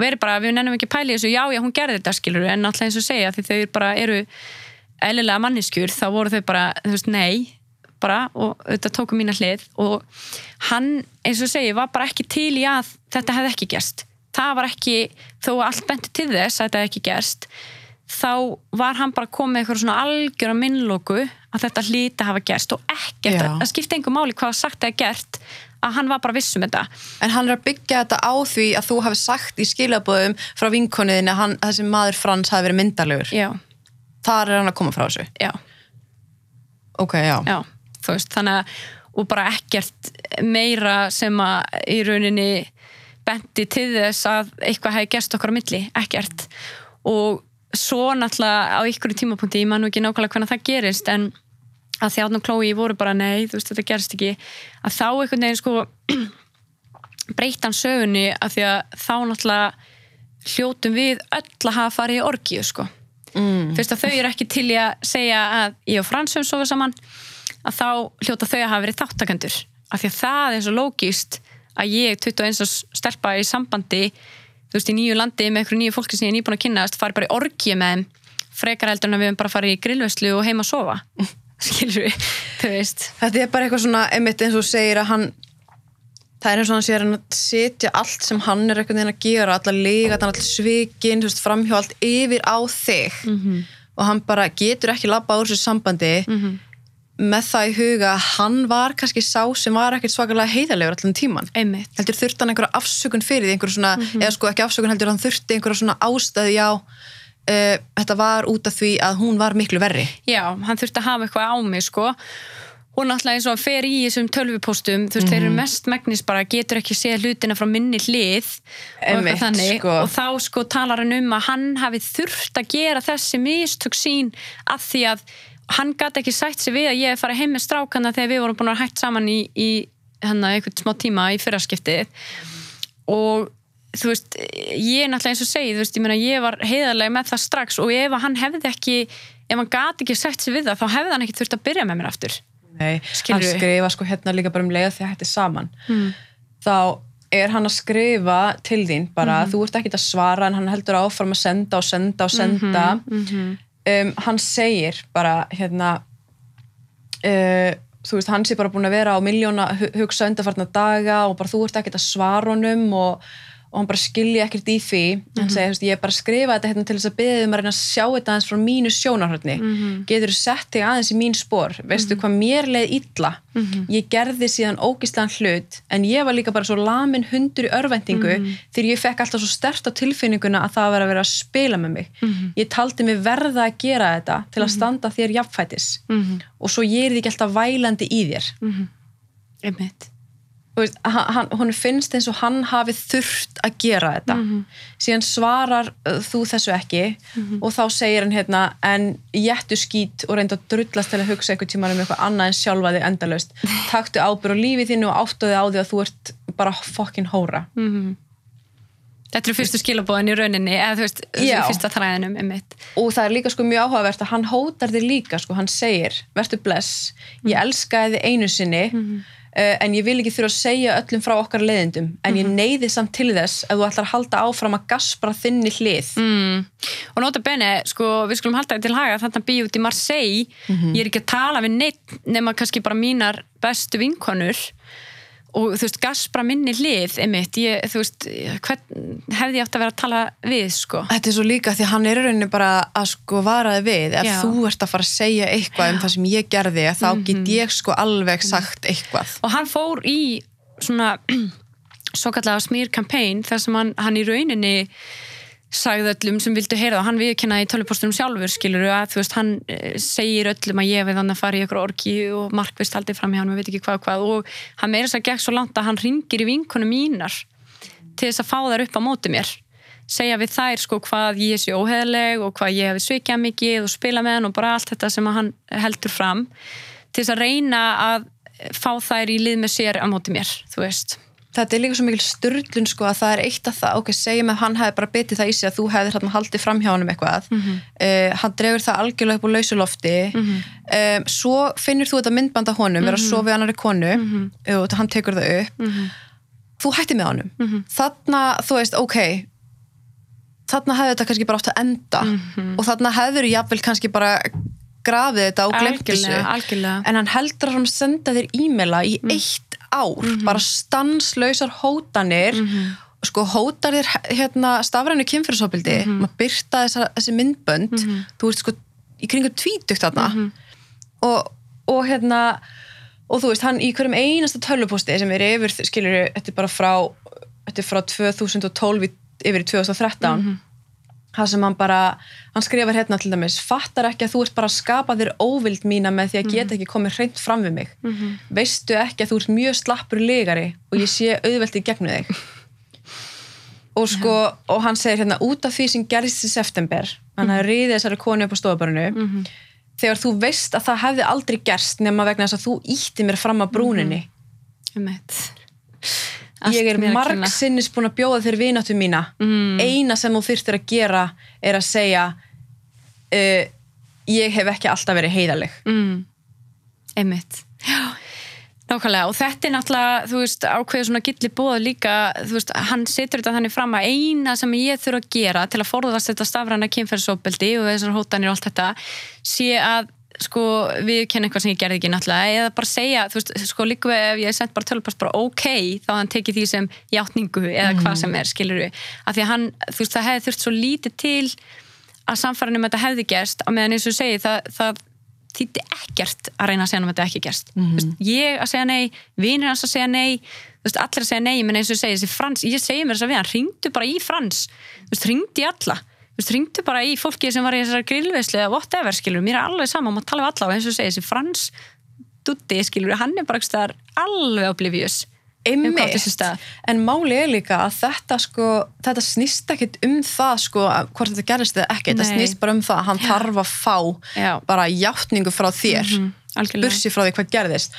Og sko, hann talar alltaf um, um sko sín um, um sinn gjörning þar sem hann eh, sko hjælt fram í þar með þessa stelpu og tók það upp og Mhm, allt það, að þetta hafi verið rosalega vanhugsuð mistök sem bara hann hafi þurft að gera vegna þess að þú var svo vond við hann. Þannig er að tala um 30 og, þú veist, tveggjar og Mhm. Já. kall mann að tala um einhverja tvítuða stelpu. og þetta var ekki vanhugsað, ég meina hann sérstaklega faldi sko relationship statusin á Facebook til þess að plata þessa stelpa því eins og sé, ég talaði við hana eftir að við hættum saman sendi henni skilabóð og sagði henni ég hef fundið þessu myndbönd og hún var alveg með sín að heyra og, og hérna og hún sagði ég hef ekki hugmynd um að þið varu í sambandi. Og hann í rauninni segir líka hvað þetta var útpælt hjá sér að hann hafi fundið þarna einhverja stelpu sem hann vissi að ég þekkti ekki og hún þekkti mig ekki og hún vissi ekki að hann var í sambandi. Og hann í rauninni vísvitandi platar hana, þú veist felur sams, samskipt, eh, hérna, sambandsstatusin og allt þetta og næri henni þannig heim til sín. Já, hann skrifa sko til þinn í oktober í tölvuposti. Um, þegar hann er búin að vera sko að senda þér bara frá hvort það hefur í sko bara júni, júli, ágúst, september, oktober þegar hann ákveður að senda þér sko uh, ég er búin að vera 100% heiðarlegur allan tíman um eitt uh, allt sem ég hef sagt er meikar fullkomin sens. Þú veist vel að ég ringdi bara í einhverja gamla lufsu sem ég hafði ekki minnst hann áhuga á pindi mig til þess að hitta hann og sofa hjá henni af því ég taldi það vera eina sjensin til ég geti komist yfir það sem þú hefði gert. Mm -hmm. kiss eitthvað strák. Já, og náttúrulega fara heim með þessum strákana þegar við vorum hætt saman. Já. sko, af því að hann veit að það gerist af því ég náttúrulega sagði hann um það að þá veit hann að hann getur nota það. En auðvitað eins og segi, hann að hitt hefði líka gerst og fannst þá kannski Já, ég veit ekki, eitthvað. þetta eitthvað vera réttlætanlegt í hans huga, ég veit ekki, sko og hann segir sko, ég sá til þess að þessi manneska sem ég reið Mhm. þekkti þið ekki neitt og vissi ekkert hver þú værir Mhm.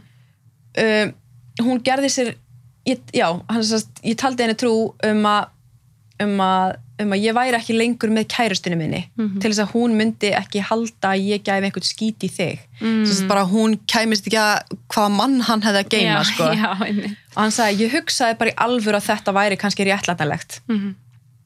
hún væri manniski sem ég hefði hvort sem er sofið hjá áður Mhm. og svo, svo úksta, sko, surrealist hann skrifa sko, en í öllum öðrum tilfellum sem ég átti í einhverju samskipti við stelpur þá fengu þær alltaf að heyra að ég vera ástfangin af þér bara gamli út um gluggan með þetta sko. Já, ég veit það, líka hvað veit ég um það skilur, minna hann, eins og segi, eitti hann að sko, það var örgulega Facebook samskipti þeirra milli sem hann eitti þegar hann gaf mig líkilóra sitt hans Mhm. og þessar stelpu og hann eitti heilu samtali við aðra konu sem að ég veit ekkit hvað fór fram þeirra milli og af hverju fannst hann þurfa að eigða samskiptinum þú veist, þannig að sko, það er ekki tægt að trúa því að hann hafi verið endilega alveg fullkomlega heilegur allan tíman af því að hann var það bara Nei. ekki þú veist, Og- ég meina, en líka því að sko, hann er raunin þetta er svo fáralegt að segja sko. ég meina, þú getur alveg sagt það já, þetta eru einu mistöki mín af því þetta er það sem þú fannst já, Þú veist, já, bara, en, nákvæmlega. en allar aðrar sko, þær, þær fengur sko heyra að ég væri með þér. En Einmitt. þetta er eina stelpa sem ég plataði. Nákvæmlega, einmitt. en alltaf á sama tíma þú veist, ég meina, hann var búin að vera að ljúga mér mjög lengi með kókainfíknina þú veist, þannig að hann var alls ekki heilagur með það. Og hann alltaf löga mig með þetta í marga mánuði og ég átti aldrei að koma að staði alltaf að segja mér hvað hann hefði mér aldrei, aldrei verið mér ótrúr og þetta allt sko. Og hérna, þannig að einmitt, það er ekki takt að taka því bara at face value að hann hefði verið 100% heilagur í sambandinu sko. Fyrir líka skrifar lufsa. Ég veit að það er þú ógeðslega bara ljótt. enga virðingu fyrir ég meina þetta er bara gjörsamlega ógeðslegt sko. Mhm, algjörlega. En þetta er líka bara sko þú veist, hvernig hann segir til dæmis töl, í tölvupóstunum, hann segir rauninni bara sko þú hlýtur að sjá það að það eina sem make a sense fyrir núna er um að þú, bið, þú byðið mig afsökunar og segir mér sannleikan já, fyndu hugur ekki til þess að horfast í augu við gjörðir þínar. Ég mun aldrei jafna mig ef þú viðurkennir þetta ekki. Þú losnar aldrei við þetta nefnum þú komir hreint fram. Já. þú hlýtur að vita það sjálf þetta er mjög áhugavert til þess að hann sé að sko segja við ykkur tvítið að stelpu bara horf, þú, þú skal sko horfast í augu við gjörðir þínar. Bara taktu ábyrð flokkast hann undir þetta eða? Einmitt, þú veist þetta bara getur ekki litið inn á við. Nei, nákvæmlega. Og eins og segið, þú veist, þetta var svona kannski frekar auðvelt á, á mörguleiti að svona bara hrista hausin yfir þessum tölupóstum af því að eh, veist, þetta hafði aldrei gerst, skilur og ég var ekkert að fara að kvitt upp á það. En að sö, sama leiti þá hugsa ég samt alveg oft ok, kannski væri bara auðveldara fyrir mig að segja bara já, þetta gerðist. Af því að áriði var svo mikið og þú veist, það var ekkert að fara, það var ekkert að hætta. Og eins og segið, því ég flytt til Íslands þá, þú veist, held hann áfram að ringi mig og senda mér SMS og hann farin að ringi mig og símanúmer sem ég þekkt ekki þannig ég myndi svara og, og veist, senda mér í rauninni bara frekar ógnandi SMS, þú veist, hann sá mig ekkert um hann á röldi og sendi bara ég sá því þarna klukkan þetta skilur og eitthvað svona sko. Og hérna, Það er líka alltaf sko að því ég veit að það er oft, uh, þú veist, þetta var, þið voru í sambandi en ykkur þrjú ár eða eitthvað og hann er síðan árið það í tölvupóstunum í eitt ár, þetta er næstu í fjögur ár. Þar sem sko, og ég veit alveg að það er ótrúlega, eins og hann hefur gert áður að skýla sér bak við eitthvað svona, já, þú veist, ég var náttúrulega mikill til neyslu, bla bla bla, en þetta er sko bara viðvarand, þetta er bara sko viðgengst á næstu hverjum einasta degi í eitt ár, þessi tölvupóstar. þú veist, á ekki neinum tímapunkti finnur þau knúin til þess að bara svona herðu, hvað hef ég verið að gera hérna, mm skilur nákvæmlega. Það er líka svo ótrúlegt að bara einmitt líka ef maður reynir svona að snúa hlutverkunum við. Þú veist, ég er svona að sjá fyrir mér í dag nú er ég á, á svipum aldur og hann var þarna. Þú veist, ef ég var með eitthvað strák sem var bara nýjútskriðar mentaskóla og ég bara leta hann ekki friði, þú veist, ég var bara að ringja hann bara stanslaust og senda hann um bara mjög ógnandi tölvupósta og ég væri með eitthvað svona á hann, þú veist, eins og henda klám, hreinlega, þú veist, og væri að nota þau til að hóta hann, ég bara, þú veist, engin heilbrið manneski að hæða sér svona. Nei og ég meina það geta kannski, fólk getur átt eitthvað svona alveg bara, þú veist, tímabil þar sem var bara algjörlega í rugglinu en ég meina, eins og segir, þetta er bara næstu 8-10 árum setna Já, að þú á hvaða tímapunkti gegnum allar, þú veist, allar MeToo-bylgjur, allt, þú veist, umræðana um, um sko stafrænt kynferðisofbildi þegar menn er að byrta eða, eða fólk er að byrta myndbönd sem það tók í leifisleysi öll þessi umræða af hverju fjekk hún þig ekki til þess að hugsa bara, heyrðu, vá, já. Ég var nú hún gerði það sko. Mig, eða, já, veist, þig, já, já, já, þú, þú ert að tala um hann. Já, þú veist, af hverju? Einmitt, nákvæmlega. Akkurát, sko.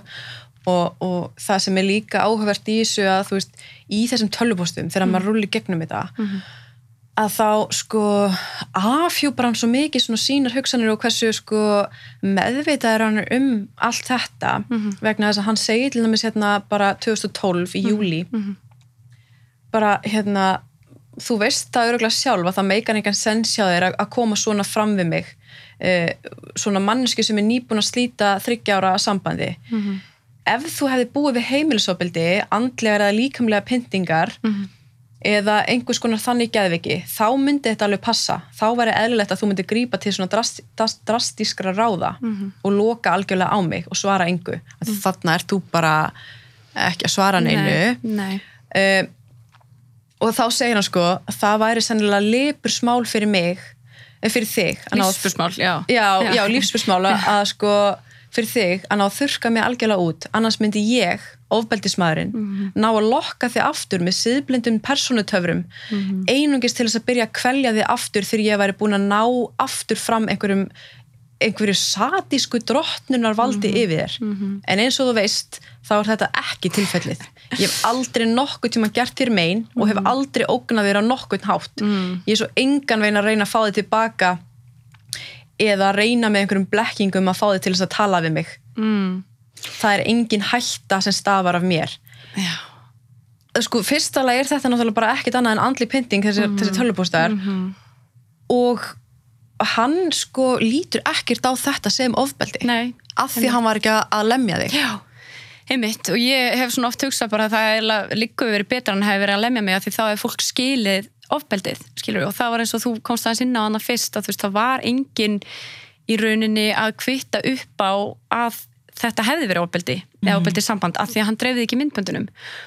Og eins og ég segi, ég fór hann til lauruglunar ég leita til lauruglunar upp, þegar að hérna eh, við erum búin að vera, eða þú veist ég er búin að að fá þess að tölupósta í lengri lengri tíma og ég fer í gravarholti að því ég er náttúrulega flutti eftir inn til fóraldra minna og hitti einhvern lauruglumann þar og hérna og hann eh, svona, ég bara gjörsamlega brotnaði niður í fyrsta lagi á tröppunni hann fyrir utan, eða svo stanna bara fyrir utan hurðina hjá þeim hann tekur hann á móti mér í hurðinni og, og, og ég bara alveg niður brotum komin að því að eins og ég segi, þú veist, þetta var, var ógeðslega erfitt að reyna að útskýra fyrir fólki að því að, þú veist, þegar ég talaði með þetta við vinkonum minn og svona ég hafði ekki orðin, náttúrulega orðaforðin var ekki til, við verum líka aðeins að hugsa um það. Þetta voru aðeins aðri tímar, þú veist, orðin svo trigger og stafrænt kynferðsópildi og hendaklám og svona, það var ekki tala um þetta. Veist, kannski hendaklám í ykkurum tilfellum en stafrænt kynferðsópildi hafði ég aldrei heyrt, veist, mörg, mörg svona orð sem að voru ekki til og gerði mann í rauninni miklu erfara fyrir að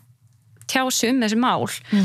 Og svo er náttúrulega svona eins og þú veist ég er að tala vinkonu mínar og þær eru kannski pínu litar af hans lið líka því hann er búin að ringi þær og segja þeim hvað ég hafi sveikjan og hvað ég hafi gert og eitthvað svona og hérna ekki það, þú veist þær voru alltaf mjög svona stuttum í mig mikið og þannig skilur en ég bara segja, þú veist, ég meina, ég myndi ekkit svona álasa þeim fyrir það að hafa kannski svona já, ég meina þetta er bara storma samt samband þú veist, það er alltaf sko. Og ég ætla ekki að blanda mér inn í þetta hvernig það er sko. Og það er mjög erfitt þegar þetta er langt tímabil og mikið andlegt og maður hefur ekki, maður, maður er ekki búin að geta svona pinpointa þetta sjálfur nákvæmlega í hverju ofbeldi fælst, þú veist, auðvitað vissi ég að þessi myndbandsupptaka var mjög slæm svo vídeouptökur og, hérna, og þessar hótanir, veist, það var rauninni svona það sem ég hugsaði þetta er ofbeldi, en allt þetta andlega var bara eiginlega ekki, var, ég talaði bara ekki um það því að, veist mér fannst engin skilningur á því. Ég hafði aldrei heyrt um svona narsisist ofbeldi sem þetta er náttúrulega bara fyrir núna nýlega eiginlega. Og ég fór svona að kynna mér það og það var bara ótrúlegt, veist, það er eins og þessi menn séu bara með uppskriftabók, veist, þetta er bara alltaf sama formúlan, þetta er sama taktikinn alltaf svona, þú veist enginn eftir að trúa þér, allir eftir að trúa mér, ég er búin að segja öllum og öllum finnst bara augljóst hvað þú ert klikkuð. Og þetta þegar maður heyrir þetta frá manni sem að er, þú veist, í fjölmiðli fjölmiðlum og hérna og áhrifavaldur í raun og veru í samfélaginu. Og ég bara, eins og þú segir nýjútskriður mentaskóla og eitthvað tvítur stelpa skilur það er náttúrulega rosalega erfitt að heyra þetta. Mm. að því maður tekur þetta til sín og maður hugsa, já, þetta er enginn að fara trúa mér, þú veist, þetta er þetta bara orðamóti orði, hugsa mm. ég þá. Og það er náttúrulega bara núna nýlega sem er búið að myndast þetta rými fyrir konur og þess vegna er kannski smá sprenging í þjófélaginu að, hérna, að loksins er farið að trúa þólendum loksins finnst mér ég ekki þurfa að sanna mitt mál skiluru, endilega veist, Akkurat. sem að var náttúrulega líka það er náttúrulega búið að kannski heila þá mann líka í sambandinu að þú veist, ég þurfti stansast að vera að sanna mig. Ég þurfti alltaf að koma sönnunagögn ég þurfti að vera, þú veist, að dykta upp nákvæmlega hvað ég hef gert þennan dag til þess að sanna fyrir honum og það var aldrei nóg, mm skilur við á meðan, auðvitað er hann mjög samfærandi og flesti svona kannski svona heilbriðir aðilar þegar þeir svona lesa svona í löngum og kannski ítalega, hvernig eitthvað fór fram sem að gerist ekki, þá er auðvitað frekar auðvitað að trúa því mm -hmm. að mörgu leiti sko. En svo líka eins og þú sagðir sko allt þetta að hann er að segja við þið stöðut líka sko í e-mailpostunum þar sem hann er að segja sko ég get alveg sagt öllu mína hlið Já. og allir þeir sem ég hef talað við Já. Mhm. þeir segja við mig bara þetta er algjört ofbeldi sem hún er að beita Já. Mhm. þig og, og sálfræðingur minn sagði það líka, þú Einmitt. ert geðveik, þú ert klikkuð, þú veist, þetta er augljóst mál, ég þarf ekki að segja nema smá og svo er hann endalst að segja sko en, ef, en ég vil ekkert vera óvinnir en þú kaust það sjálf. Einmitt. þú valdir þetta sjálf. Já. og sko notabene þessi, allir þessi tölvupóstar þú ert ekki að svara þessum tölvupóstum. Nei. það er líka svo styrlað að þú veist hann er bara gjörsamlega að bara, og sko það er oft sem hann er bara mjög sko orðljótur. Það sem er að segja sko eins og segir hérna uh, það sem hann segir í november þannig er hann búin að vera að senda þér frá bara júni november, hann er orðin soldið um, reyður, kannski aðeins farin að gleyma sér að því þú ert ekki að svara. Og hann er farin að taka til svona mjög örvættingafullra ráða. Það sem hann segir bara núna fer þú að byrja að uppskera fyrir þín viðbjóslegu svik uh, viðbjóslega manneska viðbjóslega manneski er ekki nægilega djúft lýsingar á til þess að lýsa þér. Þú ert óvinnu minn nummer eitt í lífinu. Þú ert hóra í ljótasta skilningi orðsins þetta hafðu vit fyrir því að vera ekki að svara þessu. Fyrst þú kannt ekkert nema að býta og meiða meira þegar þú heyrir sannleikanum sjálfa þig. Mm, þú veist, þetta er svo einmitt. hver Líka, talar svona? hafði ekki fyrir að svara þessu en hvað þá, af hverju ertu alltaf að senda mér þú veist að ég veit ekki, hver er Ég- tilgangur með því að senda þetta? Var það því að hann vissi að ég var ekki að fara að svara sér og hann vill svona hafa yfirhöndina, halda hann hafa yfirhöndina eða skilur því, þú veist, hvað Já, líka bara að þú ert ekki búin að vera að svara í fjóra mánuði, Nei. þú veist, af hverju ertu eitthvað núna eitthvað, já, ekki svara þetta er líka kannski mögulega einhver svona taktík þú veist, ég ætla að byrja þig um að ekki svara að þá kannski munir þú svara. Mhm, einmitt, já, eitthvað, sko. En, en hann er eitthvað neginn bara, það er ótrúlegt að, lesa í gegnum þetta því að eins og þú segir þannig í endan þar sem þú brotnar bara að gera svona niður Mhm, hjá lauruglinni þar sem þetta er búið að vera lífið þitt næstu í eitt ár Mhm. bara nýr tölvupóstur og eftir bara Mhm. nýjum tölvupósti þar sem þú ert raunin að býða eftir bara ok, hvenar ætla hann bara að setja myndböndin á neti Já, nákvæmlega, ég bjóst við bara þá og þegar sko, og líka annað náttúrulega á einhverjum tímapunkti þarna er hann sko komið aðra kærustu. Já, og er samt að senda mér, þú veist og ég held einhvern veginn að myndi kannski hætta þá en það breytti engu, virtist vera og hérna og það var líka kannski það sem að gerði mér pínu svona erfiðara fyrir hreinlega var að svo var fólk að ganga upp að mér neyri bæ að því að sko að vera með svona þekktum einstakling það, það getur maður rosalega mikið einhvern veginn, þú veist, ég varð miklu meira kærastan hans heldur en endilega Edda Pétursdóttir, skilur miklu fleiri út af við þekktu mig sem kærastuna hans og alls konar fólk sem að eh, kannski þetta er það eina sem það veitum mig en þann dag í dag er bara að ég var með honum og ég er ennþá á lendi, ég menna síðast bara í fyrra held ég bara núna eða bara rétt fyrir jól, þá hitt ég strák sem ég ekki hitt í mörg ár og hann bara hei þú varst með honum, skilur og ég bara já, rétt, þú veist, en ekkert sem ég vil review upp endilega en hérna, en þá sérst, eftir að við hættum saman þá er ég mjög náttúrulega bara paranoið, þú veist, ég er bara á Íslandi og mér finnst bara eins og hann sé bara með varðhund út um allt og þú veist, ef ykkur leita mig skringilega þá bara veist, fór ég í kerfi og var bara hver er þetta og hvað veit hún eða hann? Og, og hérna er hann búin að sjá myndböndin? Er hann búin að sjá myndböndin og hvað er hann búin að heyra og allt svona sko. Og svo er ég sérst að lendi því að, svona kunningjar hans sem að ég þekkti ekki neitt voru að koma upp að mér og segja við mér svona hérna já þú veist, þú veist að hann er sko, hann er klín núna og hann er komið kærustu og hann er bara flottur og, og einn með þess að sagði sko, þú veist, ertu ennþá fúla hann að dömpa þér, svona. Og það þetta líka svona heldur aftur að manna því þá hugsa maður, ok, ef ég fer að tjá mig um þetta þá heldur fólk bara að þarna sé ykkur sko fúl fyrirhandi kærasta Mhm. -hmm. sem er bara okkur bömmir að því að hann dömpa henni Mhm. að reyna að ljúa ykkur eða skilur þú veist það, þú veist að því að náttúrulega fram að þessu var bara búið að telja mér trúum það að ég var svo ótrúverðu og, og hérna allir trúðu honum og allt þetta sko og hann náttúrulega bara sagði eins og segja öllum sem viltu heyra hvað ég var ræðileg og maður tekur þetta til sín þú veist, auðvitað hugsa maður og, veist, og eina sem ég hugsa og ég segja held ég í einum af þessum örfá tölvpostum sem ég svaraði bara vini mínu vita hvað gerðist og bara um aðra er mér sama en auðvitað er mann ekkert alveg sama skilur við Nei, en líka eins og þú segir, þú veist, að því líka, þú veist, það er svo mikið valda ójafið þarna sem skapast, þú veist, að hann er þekktur eitthvað númer í samfélagin þegar þið kynnist og þú ert uh, ung, nýskriðin úr, úr sko, hvað, hérna, menntaskóla. já, og eins og þessi strákur, þú veist, að það ertu ennþá fúlan hafið dömpað þér, að það er svo auðvelt fyrir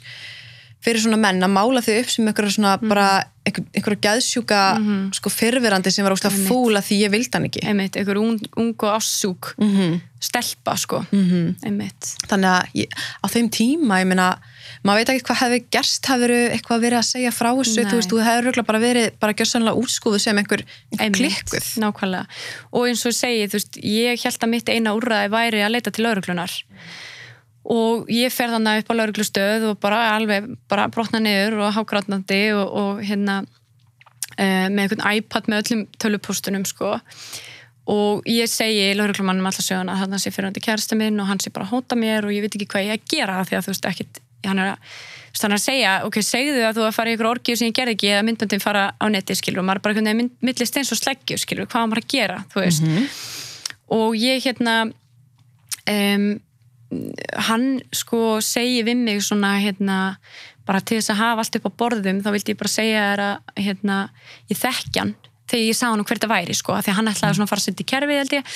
Já, lögreglumæðurinn. Já, lögreglumæðurinn, hann segi hver er þetta? Og ég segi hérna, já þessi og hann segi já, sko, til að hafa allt upp á borðum þá hérna, ætlaði ég bara að segja þér að ég þekki hann aðeins, ég með minnir hann að sagt eitthvað svona í gegnum konuna mína, ég man það ekki nákvæmlega.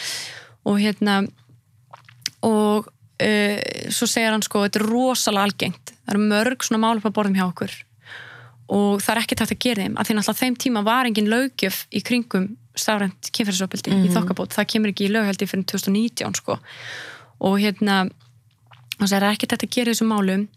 Og svo segir hann sko hérna, eh, þessi myndböndir eru ekki einn slæm að þú heldur, ég myndi sína ykkur vinkoniðinni ef þú áttu hérna, og ég náttúrulega átti þau ekki sko og, og eins og segi, ég var ekki einu sinni alveg 100% vissum að hann ætti þau reynlega því ég held ég kannski eitt þeim en eins og segi, ég vissi ekki og hann náttúrulega hóta mér með þeim þannig að ég svona gerði kannski ráð fyrir jú, jú, hann ætti þau og hérna hann segir, síndu ykkur vinkonu myndböndin og svo segir hann sko ég ætla ekki að setja þetta í kerfið af því þá þarf ég að setja þetta á hann og þá þarf ég að skrá hann sem kynferðisafbrótamann og ef hann er tekin inn fyrir eitthvað ótengt brot, bara aukabróti eitthvað svo leiðis, þá hefur hann réttin á því að sjá sína sakaskrá og ef hann kemst að því að, þetta er til að þá geti það bara komið ítlut fyrir þig.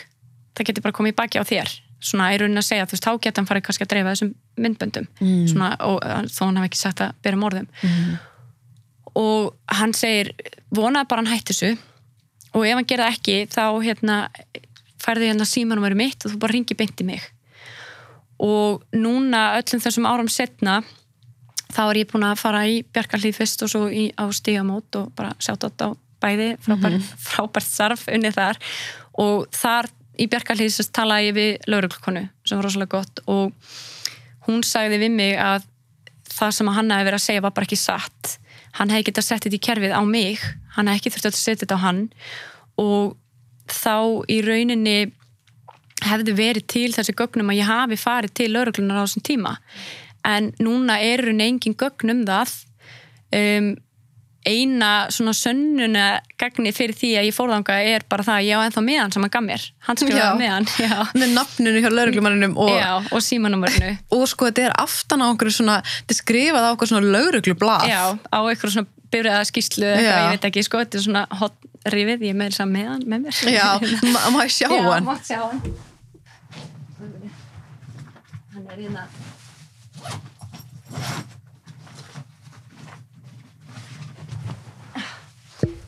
Og er rekast hérna í mig. Sko, þetta er sérst veski sem ég átti á þeim tíma þannig að þetta er alveg ansið snjáð en uh, miðin er sérst hérna Þannig, já. oh my god, þetta Mhm. er bara þú veist, ég skil ekki alveg hvað stendur í hérna. Nei, þetta er er eitthvað átni þór eða ar, Atni Þóreldi en ég veit ekki, megum við segja það já, ég meina, hann hlýtur nú að geta tekið ábara þessu gamli. Já, ég vona það. Hann er sko hættur störfum af því ég spurði líka sko hvort að hérna um, það væri hægt að gefa honum áminning í starfi, eitthvað svoleiðis. Já, en hann er náttúrulega hættur þannig að ég fæ aldrei neina niðurstu úr því sko og hérna og auðvitað er þetta bara gríðarlega alvarlegt mál og hérna minn réttur sem brotaþóli er þar að leiðandi líka minni af því það er engin gögn til um þetta Mhm. Þú veist, að ég hafi farið til lauruglunar á þessum tíma þetta væri það mjög stert fyrir mig ef að það væri til laurugluskíslunum að ég hef verið hana og ég bað sem sagt lauruglukonna sem ég talaði við um að fletta okkur báðum upp og sjá hvort það kæmi eitthvað upp og hún fann ekki neitt. Ég sjálf man ekki nákvæmlega hvenær þetta var sem ég fer Nei. til lauruglunar en ég man samt að sko tölvu samskiptin hættu meir og minna fljóðlega upp á þessu sko. Þannig að ég held að þetta hafi kannski verið í svona desember, janúar, eitthvað þannig. Hann að 2012-2013 vendalega og ég veit náttúrulega ekkert hvað gerðist en auðvitað gruna mig alltaf að hann hafi bara ringt í hann. Já, því síðan hætta e-mail samskiptin já, svona meira og minna. meir og minna en síðan heldur hann reyndar áfram að hafa sambandið eftir Já. jól.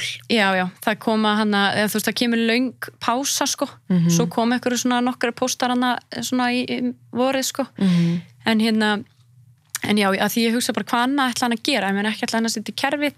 Hann sagði við mig bara að ringja beint í sig þú veist, hörglumarinn þannig að hann ætla ekki að fara réttu leiðin og þess vegna finnst mér til dæmis óþólandi þegar tala um sko af hverju fara svo konur ekki réttu leiðina eitthvað svona, af því að þarna reyndi ég að gera það, hún var ekki bóði hreinlega, það voru engin lög til um þetta og sem er náttúrulega fáralegt að því að lögreglum segir við erum með mörg svona mál bara borðum hjá okkur og það er ekkert þetta að gera í það er þá ekki að breyta lögjöfni, það er þurft að gerast þarna 2012, skilur við en við erum að tala um að þetta gerist, það breytist ekki neitt fyrir 2019 og hérna um, já og þú veist eins og ég segi, menn í dag ég get ekki kertan fyrir þetta þó ég sé með alls konar sönnunagögn í raun og veru fyrir þessu opeldi að að því að lögin voru ekki sett fyrir 2019 þá get ég ekki kertan fyrir það þó að auðvitað myndi ég gjarnan vilja fara þessa réttu leið eins og ég segi. En svo er þetta líka bara eins og, eins og við varum að tala um aðan, þú veist hvað, þegar fólk er lítið úr svona að því að að því að sko hann setur ekki þessi myndbönd á neti þér vitandi, við vitum, þú veist, þú hefur aldrei fundið á Nei, netinu, nei. þannig að það er oft sko, já, en, en ok hann hefur hótaðir hérna, en gerðan það? Já. en gerðan það, þú veist? En þetta snýst um svo miklu meir en það. Þetta snýst um það að hann var henni líka bara hann var stöðugt að hóta þér einmitt. með því að byrta þig. Og plúst að hann tekur, hann tekur þetta upp í leifisleysi hann tekur þig upp án þíns vilja og hótar þér trekk í trekk og ein- einhvern veginn sko hann segir til dæmis í einum postinum hér bara hann segir sko um, þú veist alveg hvernig þetta verður ef við skiljum við þetta svona.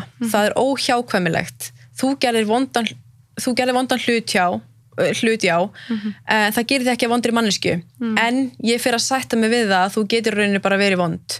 Í alvöru, ég og alveg mína galla en vá, ég held að ég þurfi bara að gera þetta mál upp einhvern veginn. Því fyrir mér er þetta búið að vera eitt langvarandi taugaáfall Já. í rúmt ár.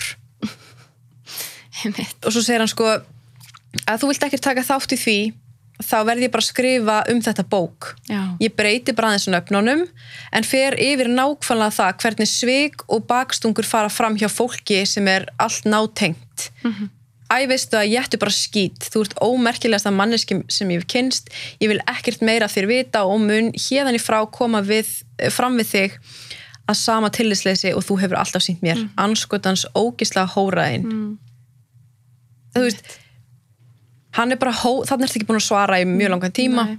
Og hann er bara að hóta þér stöðugt bara, bara, hann er bara að hóta bara að þú veist, í rauninni gefa út fyrir all þjóð já, hreinlega. bók, um þig einmitt um mig og hvað ég kom ítla fram við hann og spilaði með hann og eitthvað svona sko. en í rauninni sko, og hann nefnir það aldrei bara hérna að sko það sem hann gerði sé eitthvað slæmt Nei, nei, nei, nei, það voru bara mistök sem hann þurfti að gera, sko.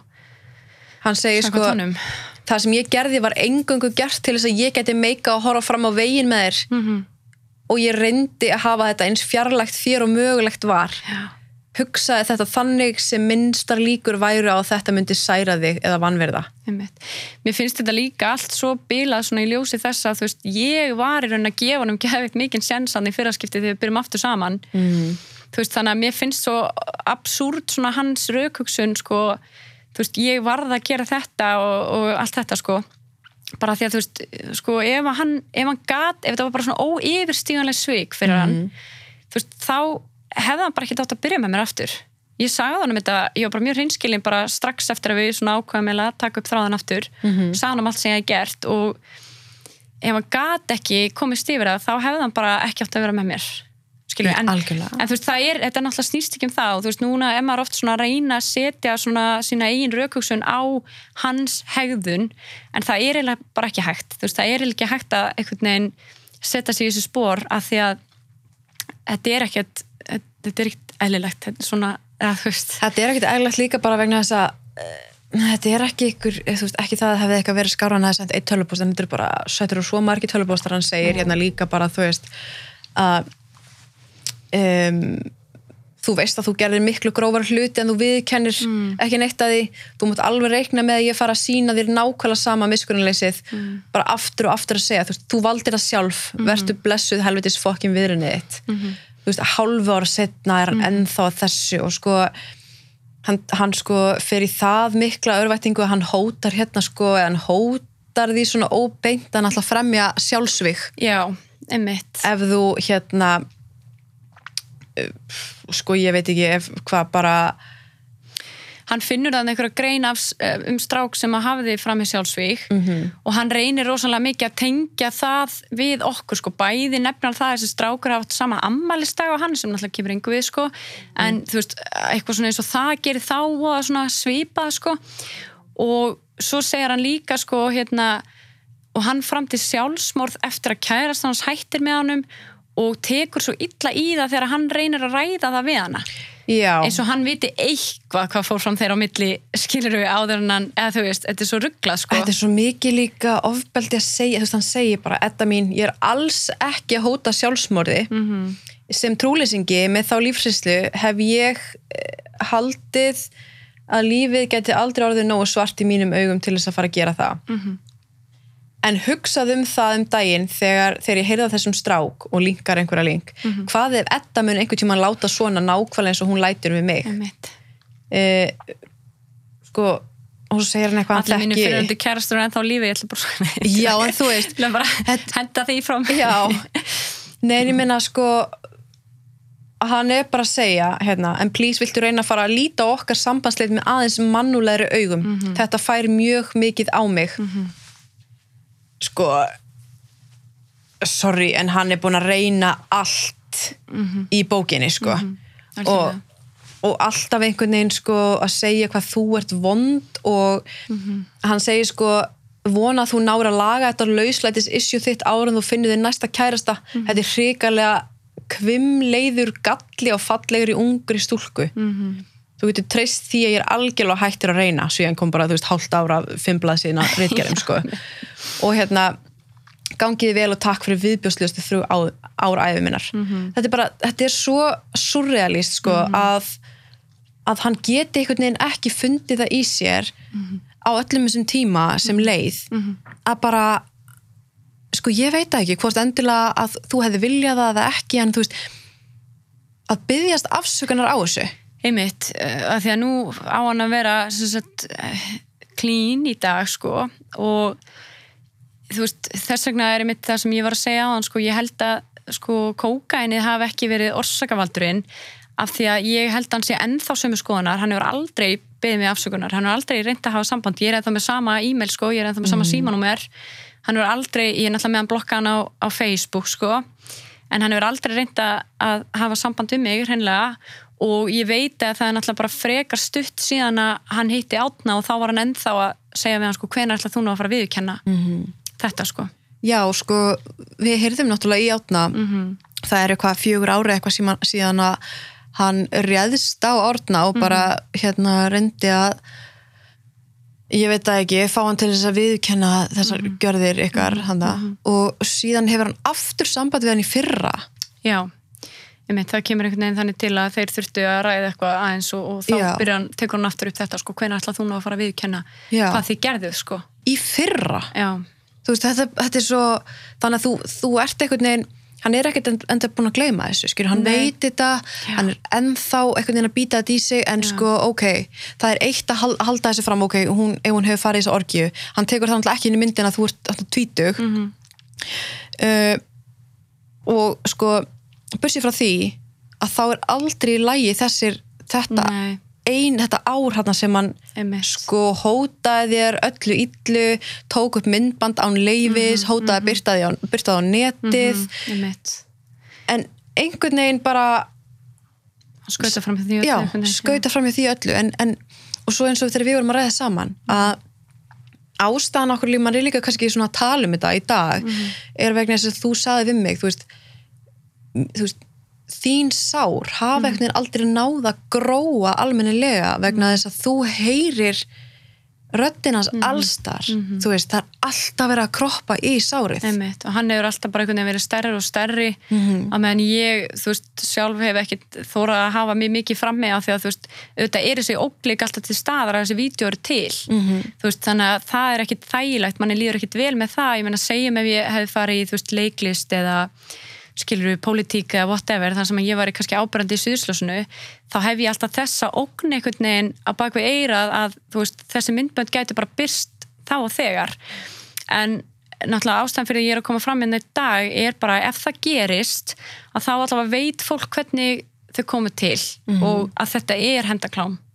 Stafrænt kynfyrsopildi og stafrænt kemursobeldi emitt, þú veist. Að því að líka að því þegar við tölum um hend, af hverju við erum að tala um hendaklámi Já. er þú veist, að því að það, þú veist, það er ekkert sem þú gerðir til þess að verðskulda þetta. Nei, nei, emitt, emitt þannig að maður er svo svona þú veist en eins og hann segir sjálfur í einum þættinum sko að þetta er oft bara einhverjar, einhverjar, einhverjar klikkar fyrirandi kærustur og reyna að hefna sín eitthvað, það er ekki rétt. Nei, nei, nei, það er bara alls ekki rétt sko. og hérna þannig er að náttúrulega lang flestar konur sem að lenda í stafrænu kynfyrirsopeldi og, og hendaklámi og hérna, ég veit náttúrulega sjálf ekki nákvæmlega hvernig skilgreiningarnar eru sko, því að þú veist, ég hugsa sko, ég held að hendaklám, það er talað um sko, þegar að það fer í dreifingu sko, Já, en er það er algjörlega bara búið að taka út orðið hefndaklám út af því það er notað eins og sko eins og, eins og fólk sé að hefna sín. Mm, en það er ekki sem þórandi gerði Nei. til þess að, til þess að þetta er klám- alltaf bara ofbeldi. Einmitt, og orðið klám náttúrulega kannski gefur daldið til kynna að það hafi verið eitthvað svona samþykja bak við þetta. Jafnvel sko. Þú veist, að gera bara- klám svona saman skilur, en ég er náttúrulega eins og segi, þú veist, ég var eina af þessum myndböndum og ég samþykti aldrei upptökur. Þetta er bara Ekki. ofbeldi. Já, 100% og, Mhm. og ég tala nú ekki um það að þú ert með sko tvíti stú- stelpu sem þú ert að að hafa þetta sko hangandi yfir bara ef þú gerir ekki þetta Mhm. þá byrti þetta á netið og á þeim tíma þá verður þetta bara næstu því það versta sem mm. maður gætt Einmitt. fyrir þú veist, Nákvæmlega. maður upplifði þetta alveg bara ég fæ ekki vinnu, þú veist mm. og drusluskömmin Já. var svo mikil þú veist, það var bara, ég meina, ef ykkur talaði um hendaklám þá var bara af hverju voru þær að taka myndir af sér og senda, Akkúrat. hvernig datt þeim það í hug þessum stelpum, akkurat, skilur við en þarna, þú veist, eins og segi, ég meina, við erum búin að vera saman í, þú veist tvö ár þegar við byrjum þetta í rauninni og hérna og auðvitað treysti ég honum Mhm. þú veist, þetta var bara tröst sem að ég bar bara alveg sem að treysti maka sínum sem að var bara brotið mér finnst þetta líka bara þú veist það er svo styrlað einhvern veginn að hugsa út í það að, sumir er einhvern veginn í sviðslesunni að tala um þessar hluti bara hérna þú veist, þeir eru að tala, hann hefur talað sjálf ofinbjörlega um, þú veist, þólendur ofbeldis og hérna þú veist, stafrænt kynferðsofbeldi og allt þetta, en einhvern veginn bara þú veist, hvaða mann, fyrir hvernig er þetta? Þú veist, fyrir hvernig er þetta að gera þetta? Þetta er náttúrulega bara þessi útáfa persóna sko, sem hann passar gríðarlega vel upp á sko. og ég man það til dæmis að þú veist, það hefur örugglega hjálpað mér mjög mikið að mæti druslugönguna en ég þorði ekki að fara því ég frétt af honum þar. Mm. Veist, þannig að hann er að fara druslugönguna láta sína sig veist, og á meðan er ég bara heima að fela mig að því ég þór ekki að hitta hann Mhm. ég þór ekki að sjá hann, þú veist, ég vil ekki minna hann á mig og, og ég vil ekki hann sjá mig, skilur Mhm. að því ég er bara mjög rætt við hann Já, líka bara þessi ótt, þú veist að hann einhvern veginn, maður vona kannski að hann sé búin að gleyma þessu, Já. þú veist, og ef, ef ég mæti hann sér mig þá manan, Já. allar hann þá þá kannski er hann orðið meira sama einhvern veginn um mig og getur bara byrt þessi myndbönd og bara, þú veist, allt þetta sko þannig að ég bara hef forðast einhvern veginn alla staðið þar sem ég mögulega getur ekki stáðan, hreinlega Ég held að fólk sem sem, sem hefur ekki upplifið þetta sjálft einhvern veginn og, og getur ekki sett sér í spór, það, það getur ekki oft sko skilið vanlíðan sem hefur, sem maður hefur þurft að, að sko upplifa á þessum tímum, bara bara líka það að burðast með þetta einhvern veginn vitandi af þessu, get ekki tala um þetta veit ekki sko orðaforan sem á að nota hvað er þetta, fólk að gera lítið úr þessu. Tala nú ekki um sko lauruglumæður þegar hann spurði þú veist, þetta er kannski ekki eins slemt og þú, eins og þú heldur, sko, Heldur. þú ert öruglega miklu þetta fyrir þér veist, þið, þetta er orðið stærri í haustum á þér heldur en deyri raun og veru og ég vissi náttúrulega nákvæmlega hvernig þessi myndbönd voru sko. Þau eru mjög slæm, þú veist, ég get alveg sett það í dag skilur og þetta var líka bara án þín leifis og það er bara eitt og sér. Ég meina, þetta er gjörsamlega bara ekki í lægi og sko það sem er líka eða svo fáránlega ógæslegt í þessu öllu saman líka er að hann segir hérna til dæmis uh, í, sko, í lokin í rauninni, bara þú veist það jafnvel og ég að þú hefur enga ástæði til þess að óttast mig á neitt hátt. Ég myndi til dæmis aldrei leggja á þig hendur. Mhm. og það er svo þar dragi hann línuna. Já, algjörlega. Þú veist, og hann er einhvern veginn að að gaslýsa þig til að segja þú veist það vel að þú þarft ekki að óttast mig. Ég hef aldrei byttið ofbeldi. Já, ég hef aldrei beittið ofbeldi, hann er bara að tönglast á þessu og einhvern veginn reyna að talja það trúum og ekkert af þessu sé sko ofbeldi og hann sé að gera af því að hann er svo veikur og hann er svo eigi svo bátt og leið svo illa og þú ert bara vond.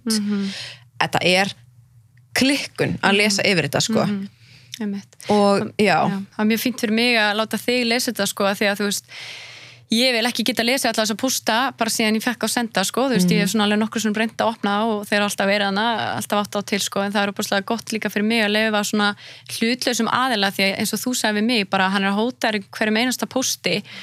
Ég var ekkit endilega búin að sjá það því þú veist hótunin kemur kannski í eitthvað svona orða spagetti af hvað ég var hræðileg og hvað ég ætti að sjá hanslið og hvað ég ætti að sjá sökina hjá sjálfur mér og eitthvað svona sko sem að kannski, svona ég tók miklu meira tímin þú veist, heldur en endilega hótanir því það eru líka oft mjög svona óbeinar Já, er alltaf svona, þú veist vel að ég gæti gert þetta en, en það er út af því, mm, eitthvað svona, maður er bara en svo sömum tímum þá gleymir hann sér alveg og segir bara hérna, hann segir til dæmis sko, það var eitt sem var mjög bara um, ógislegt, það sem hann segir sko bara hvað segir það? Hann segir það bara um,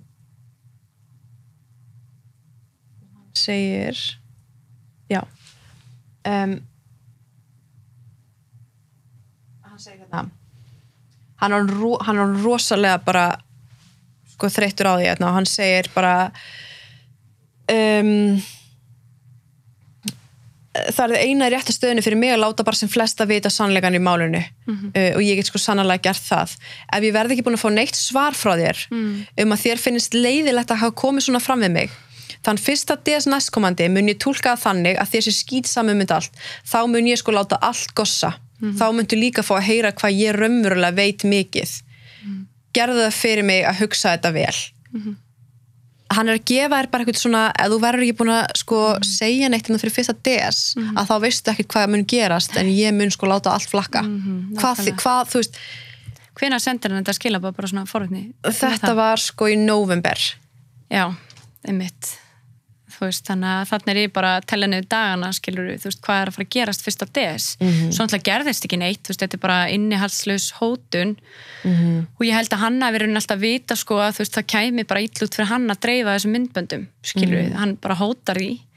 En málið að því þú segir hann að hann dreifur línuna með að berja mig sko ég, hann er ekkit vittlaus og ég held að hann hafi passað sig rosalega vel að beita eins miklu ofbeldi og hann vissi hann kemist upp með. Þú veist, hann vissi hann kemist upp með að taka myndbönda mér og hann vissi hann kemist upp með hótanindar og þetta sko. Og eins og segja, voru náttúrulega engin lög í kringum þetta á þessum tíma.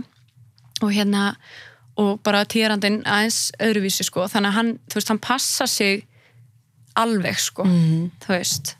Og líka, þú veist, eins og þegar við vorum að tala saman, þú veist, að því núna fæ ég svo ótrúlegt magna skila bara frá konum í kringum Me Too og allt þetta, það sem, þú veist það eru að spurja mig, þú veist um, ég var fyrir þessu ofbeldi, er einhver sem haft samband við þig með sama geranda og eitthvað svona? Og það var, það var ég tengdi við aðra konu sem hafði samband við mig uh, með, í sambandi við sama mann. Það sem þetta, það sem maður sér sko bara þessa sömu hagðin algjörlega. Þetta er veist, þetta er svo að því ég hef oft verið að hugsa svona þegar ég er að sjá uh, fólk sem er að sko taka þátt í umræðinni sem er kannski aðeins utan umræðinar þegar það er að segja sko af hverju eru þessar konur samt að segja frá þessu tíu árum setna, Já, veist, allt þetta. Þetta er líka vegna þess og þessi stelpa sem ég talaði við sem hafði samband við mig.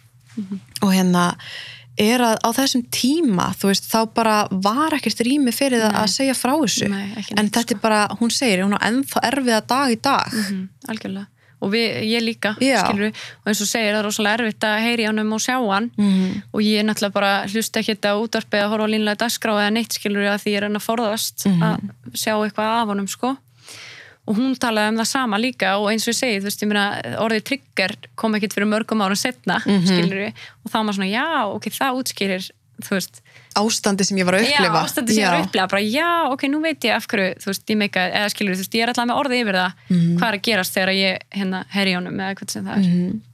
þetta er einmitt bara, og þú veist, og maður veit ekki hvað, þú veist, eins og ég saði við, var að spurja hana og ég spurði þig, þú veist, hvað, hvað er það sem maður vill einhvern veginn í dag? Og ég get, þú veist, eins og það er eiginlega bara liðið það langun tími að, þú veist, maður, maður getur gefið sér það það, kannski honum er einhvern veginn bara alveg sama.